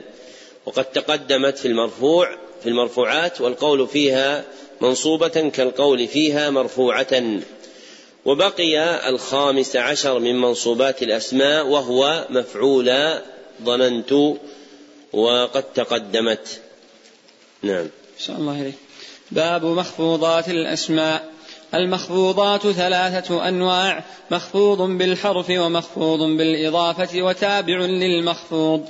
فأما المخفوض بالحرف فهو ما يخفض بمن وإلى وعن وعلى وفي ورب والباء والكاف واللام وحروف القسم وهي الواو والباء والتاء وبواو رب وبمذ ومنذ وأما ما يخفض بالإضافة فنحو قولك غلام زيد وهو على قسمين ما يقدر باللام وما يقدر بمن فالذي يقدر باللام نحو غلام زيد والذي الذي يقدر بمن نحو ثوب خز وباب ساج وخاتم حديد. لما فرغ المصنف رحمه الله من بيان الحكم الأول والثاني من أحكام الاسم وهما الرفع والنصب وبين مواقعهما أتبعهما ببيان الحكم الثالث من أحكام الاسم وهو الخفض. فعقد بابا لمخفوضات الأسماء. ذكر فيه أن المخفوضات ثلاثة أنواع فالنوع الأول منها مخفوض بالحرف فإذا دخلت حروف الخفض على شيء من الأسماء أوجبت خفضه. وقد ذكر المصنف بعض حروف الخفض في أول الكتاب وأعاد ذكرها هنا بزيادة واو رب ومذ ومنذ. والنوع الثاني من المخفوضات مخفوض بالإضافة والإضافة نسبة تقييدية بين اسمين تقتضي انجرار ثانيهما. نسبة تقييدية بين اسمين تقتضي انجرار آخرهما. ومثل له بقوله غلام زيد. فزيد مخفوض لأنه مضاف إلى غلام. وجعل المصنف رحمه الله تعالى معنى الإضافة على قسمين. أحدهما ما يقدر باللام. وضابطه أن يكون المضاف ملكا للمضاف إليه أو مستحقا له. أن يكون المضاف ملكا للمضاف إليه أو مستحقا له. ومثل له المصنف بقوله غلام زيد. فالإضافة على تقدير اللام أي هذا غلام لزيد. وثانيهما ما يقدر بمن. وضابطه أن يكون المضاف بعض المضاف إليه. ومثل له المصنف بقوله ثوب خز وباب ساج وخاتم حديد.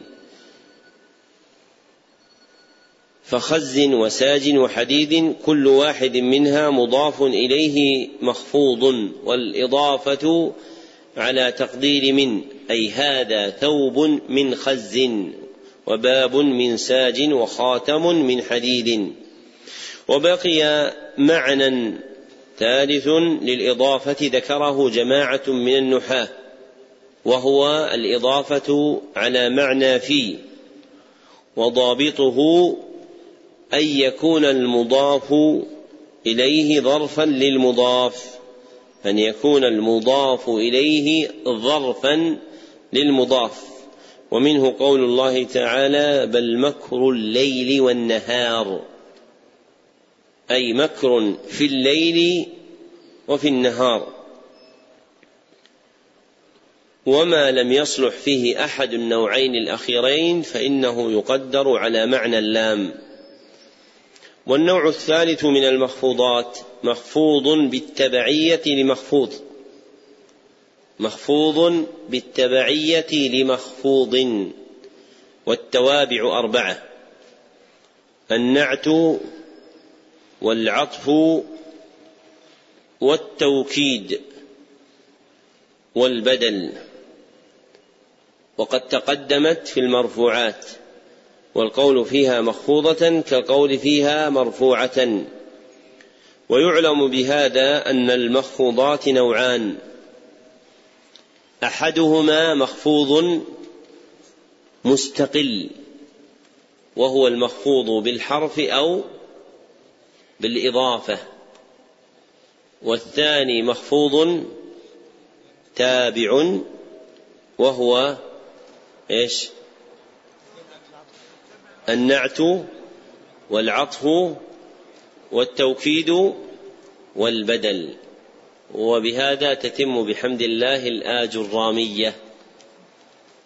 واعلموا أيها الإخوان أن علم النحو سهل.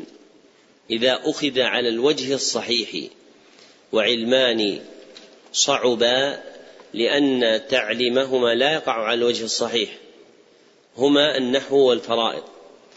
فينبغي أن تكون طريقة الدراسة الصحيحة بالاهتمام بمقصود الباب دون غيره. هذه الدراسة الصحيحة.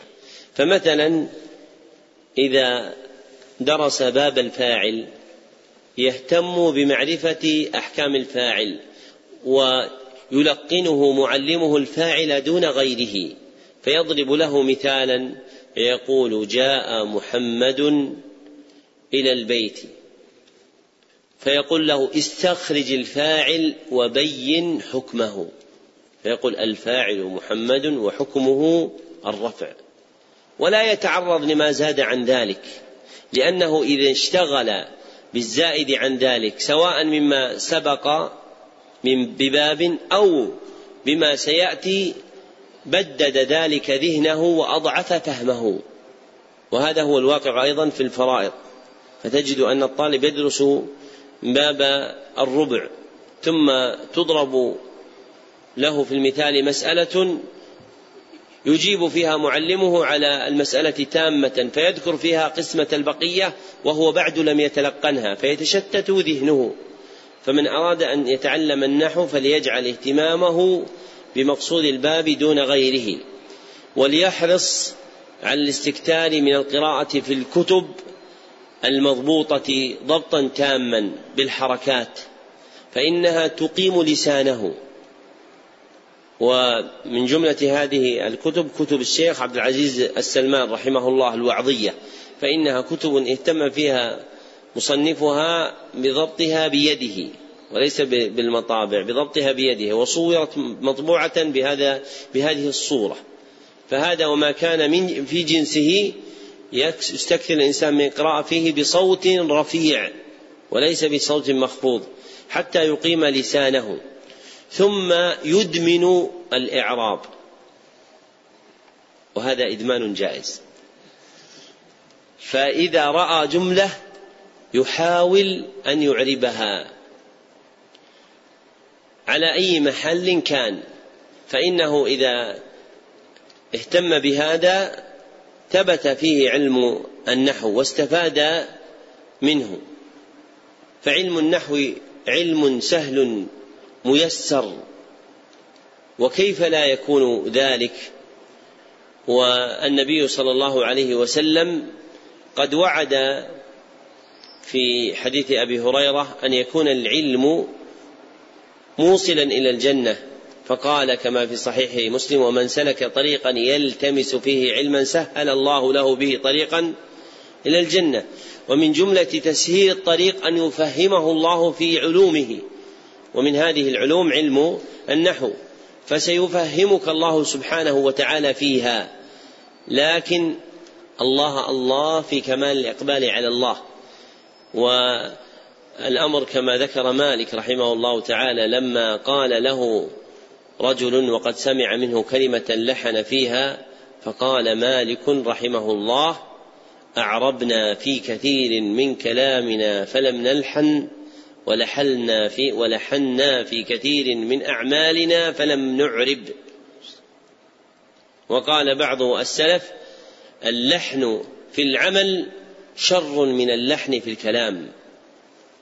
فينبغي أن يصدق الإنسان في طلبه للنحو ومن دقائق أحوال القلوب عند العارفين بهذه الصنعة أن جماعة من المصنفين ختموا كتبهم النحوية بباب الخفض. قالوا لأن الحذق في اللسان والمعرفة به تكسب صاحبها زهوا وتكبرا فينبه بالخفض في آخر الباب في آخر الكتاب إلى لزوم التواضع وأنه ينبغي أن يكون مقصوده من علمه التواضع لا التكبر ومن تجرد عن هذه الحقائق القلبية كانت العلوم الآلية عنده محض معلومات وليست أشياء توصله إلى الله سبحانه وتعالى. أما من جعلها آلة يستعين بها على الوصول إلى الله. في فهم مقصود الكتاب والسنة فإن الله ييسر له أسباب ذلك. ولقد قال الله ولقد يسرنا القرآن للذكر فهل من مدكر؟ أفيكون النحو المتعلق بكلام الله سبحانه وتعالى وعرا عسرا على الخلق؟ لا. ولكن الكلام في صدق النية في أنك تطلب اللحم تطلب النحو كي تفهم كلام الله وكلام رسوله صلى الله عليه وسلم. أما طلبك للنحو دون نية صحيحة ولا شهود القلب لهذا المعنى هو الذي يضعف آلتك ويوهن عدتك في حصول مقصودك. وهذا الباب وهو باب الفتح هو من أسباب تحصيل العلم في النحو وغيره. وإذا لم يفتح الله لك فمن المعلم الذي يفتح لك. إذا لم يجعل الله لك أسبابا ميسرة للفهم فمن ذا الذي يستطيع أن يفهمك؟ واعلم أنك مهما أوتيت من قوة الحفظ وجودة الفهم ثم لم يقبل الله سبحانه وتعالى أن تكون محلا للعلم فإنك لا تكون من أهله ولو كنت العاشر من أجدادك العلماء. فإن الله عز وجل لا يجعل العلم إلا في قلوب صالحة له فالعلم ميراث النبوة ولم يجعل الله النبوة إلا في الأصفياء ولا يجعل الله العلم إلا في الأتقياء. جعل الله وإياكم منه فيحرص الإنسان على هذه الأسباب المعينة على العلم المسهلة له ويستكثر من دعاء الله سبحانه وتعالى ويلظ بتكرار الدعاء والإلحاح على الله عز وجل فإنه بدعائه لربه يسهل الصعب ويهون كل شيء مع الصدق فإن الصدق ما وضع على شيء إلا قصمه. فإذا وضعته على مطلوب أوصلك الله سبحانه وتعالى إليه. لكن الشان في صدق الطلب وأشد شيء على المشتغلين بالعلم لين قلوبهم. فإنه يشق مشقة شديدة. كما قال ابن الجوزي رحمه الله تعالى في فصل له تأملت العلم والميل إليه والتشاغل به فإذا هو يقوي القلب قوة تميل به إلى نوع قساوة. ثم ذكر أن كمال الحال هو الاشتغال بالعلم مع تلديع النفس بأسباب المرققات تلديعا لا يخرجها عن كمال التشاغل بالعلم. ثم ذكر من أنواع الملدعات زيارة القبور وقيام الليل وغيرها من الأعمال الصالحات. فإذا حرص الإنسان على هذا المعنى نفعه علمه. وإذا كان وكدك من علمك وجهدك في طلبك هو المعلومات الظاهرات فاعلم أنك لا تزداد بذلك تقوى. وإنما تزداد بالعلم تقوى إذا كان محرك قلبك في الطلب التقرب إلى الله سبحانه وتعالى. وهذا شيء شاق كما قيل لأبي عبد الله أحمد أحمد بن حنبل طلبت العلم لله فقال لله عزيز. لله عزيز ولكنه شيء حبب إلي فطلبته. فالإمام أحمد مع مقامه الكريم في الدين أخبر بأنه كون طلب العلم لله عزيز ولكنه أحب هذا الشيء فطلبه ثم حصل له تصحيح النية بعد ذلك. فينبغي أن يتفطن طالب العلم إلى إخلاص النيات فإنه بإخلاص النيات تحصيل الكمالات.